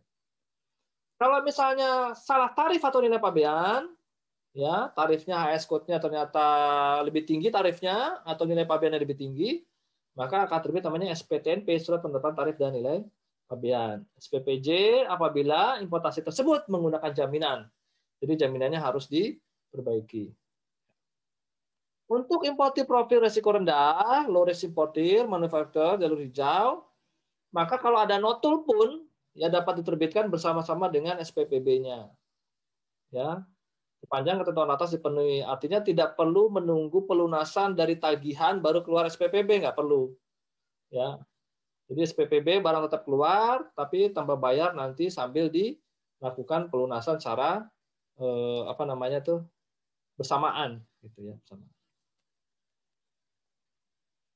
Ini ya, apabila terjadi SPTNP atau notul kekurangan bayar, maka importer akan harus melakukan pembayaran atau melakukan keberatan dengan, dengan menyerahkan jaminan. Jadi kalau penyerahan jaminan ini untuk yang permohonan keberatan ya. Jadi kalau misalnya tidak terima atas keputusan pejabat bea cukai keberatan, maka menyerahkan jaminan. Boleh nggak Pak saya bayar dulu aja supaya barang bisa keluar, nanti saya pikir-pikir seminggu, dua minggu, tiga minggu, oh saya keberatan nih. Boleh juga. Jadi bayar dulu, barang keluar, nanti dua minggu lagi baru mengajukan keberatan, boleh juga. Maksimal ya 60 hari pengajuan keberatan harus sudah diterima dari tanggal eh, nota penetapan atau SPTNP. Jadi hati-hati pada saat pengajuan keberatan, jangan sampai pas 60 hari baru ngajuin. Saya khawatirnya ada yang kurang ini, kurang ini, kurang ini, baru lengkap hari ke-63 gugur udah secara formil. Gitu. Jadi saya sarankan sih kalau mau keberatan minimal 20 eh, hari lah, 20 hari sebelum jatuh tempo Anda udah siap-siapin, udah ngajuin keberatan. Jadi kalau ada yang kurang-kurang dokumen atau data-data, bisa disampaikan sebelum hari ke-60. Oke, kemudian SPTNP atas jalur merah dan kuning, SPPB terbit setelah donasi kekurangan atau dilakukan keberatan. Keberatan terhadap pejabat dilakukan paling lama 60 hari sejak tanggal penetapan. Kalau misalnya keberatan nanti ditolak, keputusannya keluar, penolakan, maka Bapak Ibu bisa mengajukan banding ke pengadilan pajak. Sama 60 hari juga. Jadi habis SPTNP harus mengajukan keberatan, ternyata keluar skep penolakan, Bapak Ibu bisa mengajukan banding ke pengadilan pajak. Itu 60 hari dari tanggal penetapan penolakannya. Lewat 60 hari, hari ke-70 baru, oh, setelah 100 hari saya pikir, oh saya mau ajukan banding, nggak bisa, udah gugur. Ya, jadi sebelum 60 hari harus sudah lakukan banding ke pengadilan pajak. Keberatan kepabeanan dilakukan terhadap penetapan tarif dan nilai pabean, ya yang mengakibatkan kekurangan pembayaran, pengenaan sanksi administrasi tadi misalnya kena denda, karena telat misalnya menyampaikan RKSP atau membuat manifest kan tadi kena denda juga tuh. Keberatan boleh lakukan keberatan. Kekurangan pembayaran biaya masuk selain tarif atau nilai pabean, penetapan pabean lainnya tidak mengakibatkan kekurangan pembayaran. Jadi walaupun penetapan pejabat bea cukai tidak mengakibatkan kekurangan pembayaran, Bapak Ibu tetap bisa melakukan keberatan, pencabutan izin, pembukuan izin, itu bisa dilakukan keberatan juga. Nah, boleh nggak keberatan tanpa menyerahkan jaminan? Boleh. Ya, bayar dulu. Tadi sama aja bohong sih ya. Bayar dulu, baru keberatan boleh kan nggak naruh jaminan juga. Atau kalau mau tidak bayar, tidak naruh jaminan, gimana caranya? Barangnya nggak keluar, ya rugi dong. Nanti jadi rusak ya. Karena proses keberatan kan 60 hari. 60 hari gimana barang masih di kawasan pabean, ya kan? Penimbunannya mahal, barangnya nanti rusak ya. Mendingan barangnya dikeluarkan dulu, memperbarui jaminan, baru keberatan. Oke, ada pertanyaan sampai sini tentang keberatan Bapak Ibu? Enggak ada? Masih oke ya? Ini contoh dari SPPB, Surat Perjanjian Pengeluaran Barang. Ya. SPPB berfungsi sebagai izin pengeluaran barang dari kawasan pabean. Jadi nanti dari sini Bapak Ibu tinggal ke eh, pengusaha TPS untuk eh, mengurus Eh, apa namanya biaya-biaya penimbunan, biaya demurrage, ya, biaya buruh, biaya pergerakan, gitu ya. Jumlah barang kemasan atau peti kemas harus sesuai sama barang yang akan dikeluarkan, ya. Jadi nanti kalau nggak sesuai jumlah jenisnya kemasan akan tidak bisa dikeluarkan dari kawasan di pintu nanti akan dicegat. Jalur hijau langsung terbit SPPB, jalur merah kuning SPPB terbit setelah semua pungutan dilunasi apabila ada notul gitu. Pengeluaran barang impor boleh dilakukan sebagian. Ya. Misalnya gini contohnya. Eh, Bapak Ibu impor misalnya 10 item barang. Ya. Kemudian oleh PVD ada dua item barang yang dipindahkan HS code-nya atau dinotul HS code-nya sehingga wajib latas. Ya, berarti 8 kan oke nih sebetulnya. Boleh nggak saya ngeluarin 8 dulu Pak? Yang dua ini biar ditahan dulu sama bea cukai? Boleh. Jadi pengeluaran sebagian permohonan lagi kepala kantor, yang 8 yang sudah SPPB itu bisa dikeluarkan, yang dua nanti ditahan sama bea cukai, terus Bapak Ibu nanti ngajuin izin atau pengecualian ke kementerian terkait, kalau sudah selesai kasih ke bea cukai, jadi yang dua sisanya nanti bisa keluar. Kemudian barang impor accept. Accept ini istilah kepabeanan, impor accept kalau istilahnya logistik biasanya short ship. Ya, teman-teman forwarder, biasanya teman-teman importer biasanya nyebutnya ini short ship. Jadi di kontrak di BL, Bapak Ibu ingin mendatangkan misalnya 5 atau 10 kontainer Ya, ternyata yang baru muat atau baru terkirim ke Indonesia misalnya baru 4 kontainer. 6 kontainer masih belum. Nunggu kapal berikutnya atau shipment berikutnya. Padahal kontraknya buat 10 kontainer. Sampai sini gimana? Ya sampai sini ya diajukan aja PIB-nya, lakukan pembayaran. Kalau jalur hijau, kalau jalur hijau bisa langsung SPPB kan? Nah, tapi Bapak Ibu sudah mengeluarkan, Bapak Ibu ajukan dulu permohonan ke kepala kantor bahwa ini impornya impor accept atau short ship. Jadi yang empat kontainer ini keluar, nanti dibikin catatan di SPPB, terus shipment berikutnya yang 6 kontainer itu bisa bisa dikeluarkan dengan SPPB yang pertama. Jadi nggak perlu lagi bikin PB baru, nggak perlu lagi uh, bayar biaya masuk yang baru lagi. Jadi pakai SPPB pertama bisa untuk mengeluarkan kontainer yang 6 yang yang yang yang belum yang baru datang. Itu untuk jalur hijau ya. Tapi kalau jalur merah repot nih. Jalur merah nggak bisa lakukan pemeriksaan fisik kalau semuanya 10 kontainernya belum datang semua. Gitu. Jadi untuk jalur hijau kayak gitu, tapi untuk jalur merah tetap tidak bisa dilakukan pengeluaran atau pemeriksaan fisik sebelum 10-10-nya datang semua.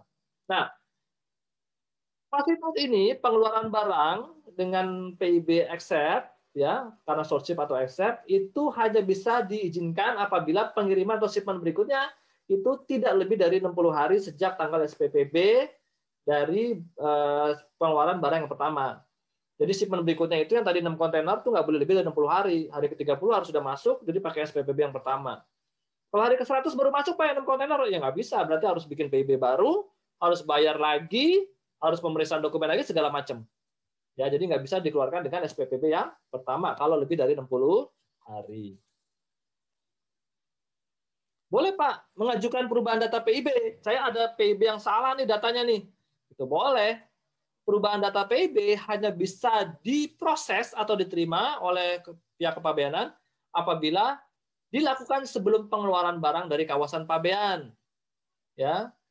Pak saya ini jumlah jenisnya salah, apa saya nomor invoice-nya salah, apa saya uh, ada item-itemnya yang salah nih gitu. Ya bisa dilakukan itu perubahan data, tapi syaratnya sebelum barang keluar dari kawasan pabean. Gimana Pak? Barang saya udah sampai gudang saya atau barang saya udah masuk pabrik ternyata barangnya salah nih atau pemberitahuannya salah. Bisa nggak bikin perubahan data PB? Nggak bisa gitu ya. Kalau mau ya perubahan data PIB-nya ajukannya ke Direktur eh, Informasi dan Kebebasan dan Cukai di kantor pusat. Tapi itu itu pun kebijakan ya, peraturannya nggak bisa. Tapi tetap bisa melakukan permohonan walaupun belum tentu diterima gitu permohonannya. Perubahan data PIB bisa diproses apabila bukan disengaja dan bukan bukan temuan pejabat. Jadi gini misalnya Bapak Ibu misalnya pemberitahuan misalnya eh, impor barang pot bunga diperiksa sama bea cukai ternyata isinya AC. Wah ini AC nih bukan pot bunga. Kalau gitu datanya saya ganti Pak, PIB-nya saya perubah, saya perbaiki. Bisa nggak? Nggak bisa, karena temuan pejabat. Jadi jangan sampai Bapak melakukan perubahan karena adanya temuan dari pejabat. Ya, permohonan dilakukan kepada kepala kantor atau pejabat yang ditunjuk berdasarkan permohonan dari importir. Sampai sini gimana Bapak Ibu untuk perubahan data? Ada pertanyaan, ada kasus, ada sharing? Silakan. Maaf Pak Kurniawan mau tanya lagi dong. Boleh. Jadi kalau seandainya nih impor ada 8 partai gitu kan hmm. dalam satu PIB, kemudian oh. sampai ke Indonesia kena SPJM dengan barang hmm. yang sama 8 kontainer itu cuma yang diperiksa itu yang kena SPJM 3 kontainer gitu. Berarti yang lima kontainer ini artinya kan tidak ada SPJM nih pemeriksaan fisiknya. Itu bisa dikeluarkan nggak Pak dari pelabuhan? So ini satu BL nih, satu BL. Betul, satu BL. Satu BL kalau kalau satu BL kontraknya 10 kontainer, kena SPJM kan semuanya harus diperiksa, Bu. Enggak, tapi ada sebagian cuma tiga, Pak. Gitu. Jadi diambil dari 8 kontainer cukup tiga. Oke, di SPJM-nya itu terteranya tiga kontainer itu yang kena SPJM, sedangkan yang limanya itu nggak tertera di SPJM-nya, gitu. Tapi hmm. ditahan hmm. di pelabuhan itu. Jadi artinya yang tiga ini harus proses behendal dulu, kelar baru nih yang limanya. Jadi kan artinya penumpukan saya juga lumayan besar nih storage-nya iya. gitu kan. Iya. Menunggu iya, ini iya. gitu. Iya iya nunggu yang lima. Ya betul betul, uh, betul. Apakah bisa tuh yang lima yang nggak diperiksa fisiknya itu bisa kita keluarkan dulu Pak? Nggak bisa. Kita nggak bisa ya. Oke okay, paham. Karena kan belum tahu belum tentu yang tiga ini oke okay dong. Iya, belum tentu yang tiga ini oke. Okay. Berarti memang harus menunggu tiga ini proses fisik dan SPPB baru semuanya ya. dikeluarkan gitu ya. Ya kalau yang tiga ini nanti ada masalah jumlah jenisnya nggak sesuai kan saya periksa semua. Ayo. Iya, iya Mendalam. Walaupun ya, cuma keluar, gimana ya. periksanya? Walaupun cuma tiga tok yang diperiksa ya Pak ya gitu loh. Iya. lima cuma satu kadang kan lima lima kalau sepuluh persen kan cuma satu berarti kan atau dua ya nggak bisa semuanya harus tetap di dalam tetap ya walaupun ya. nanti iya. Kalau mau gini, kalau mau ibu di awal, kalau misalnya biaya yang mahal atau barang ini misalnya takut rusak ya, karena kan belum tentu eh, apa namanya tuh buruhnya mengerti cara handle barang kan. Ibu bisa aja melakukan pemeriksaan fisik di lokasi kalau mau. Di awal itu pada saat ibu dan dapat SPJM, ibu ajukan ke kepala kantor, Pak saya mau pemeriksaan fisiknya di lokasi. Kenapa? Oh barang saya kalau dipegang buruh di sini hancur Pak, gitu. Ya gitu alasannya, biarin aja. Coba Nanti kalau boleh kan bersalutnya di periksa fisiknya kan di lokasi, bukan nggak bayar penimbunan. Iya, berarti nggak usah ditarik gitu ya kontainernya untuk diperiksa gitu kan? Kan bisa dikasih di tempat penimbunannya itu ya di behavior. Iya enggak. Nanti kalau misalnya ibu diizinkan sama kepala kantor untuk periksa fisik di lokasi si importer kan semuanya ditarik dulu ke gudang oh, ibu. Nanti periksanya di gudang iya, ibu, ya. boleh. Oke oke bisa ya seperti boleh. itu. Boleh di Batam saya sering tuh bu. Waktu saya di Batam saya sering periksa daging itu di lokasinya importir. Oh, Oke. Okay. Karena kan daging itu kan butuh butuh apa namanya yang pendingin itu bu ya. Mm-hmm. Ya kan kan harus refrigerate tuh apa namanya tuh kontainernya. Nah kalau di di Batam itu terbatas colokannya bu, colokannya itu tempatnya terbatas. Kadang-kadang penuh, kadang-kadang ngantri. Itu takut busuk kan dia.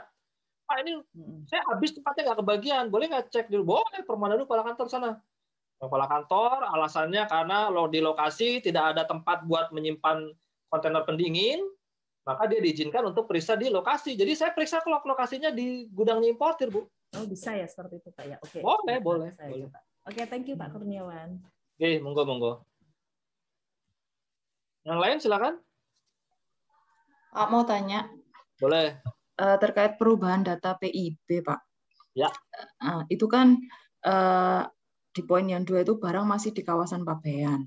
Seumpama iya. nih uh, sudah SPPB dan barang sudah sampai di uh, pabrik hmm. importir atau di uh, perusahaan kami gitu ya di pabrik. Iya, iya.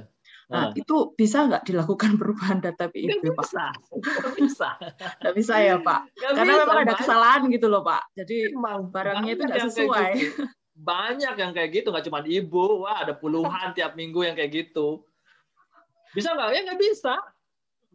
Tapi gini kan nanti saya kalau ada temuan dari teman-teman apa namanya audit gimana Pak? Ada barang yang berbeda. Ya, ya, ya ya lakukan aja permohonan perubahan ya ke, ke, ke direktur IKC di kantor pusat. Tapi ya, ini Pak. kebijakan. Sekali lagi kebijakan kan tergantung penilaian dari pejabat bisa di okein apa enggak. Tapi kalau udah keluar dari kawasan memang secara aturan tidak bisa lakukan pemeris apa namanya perubahan data gitu.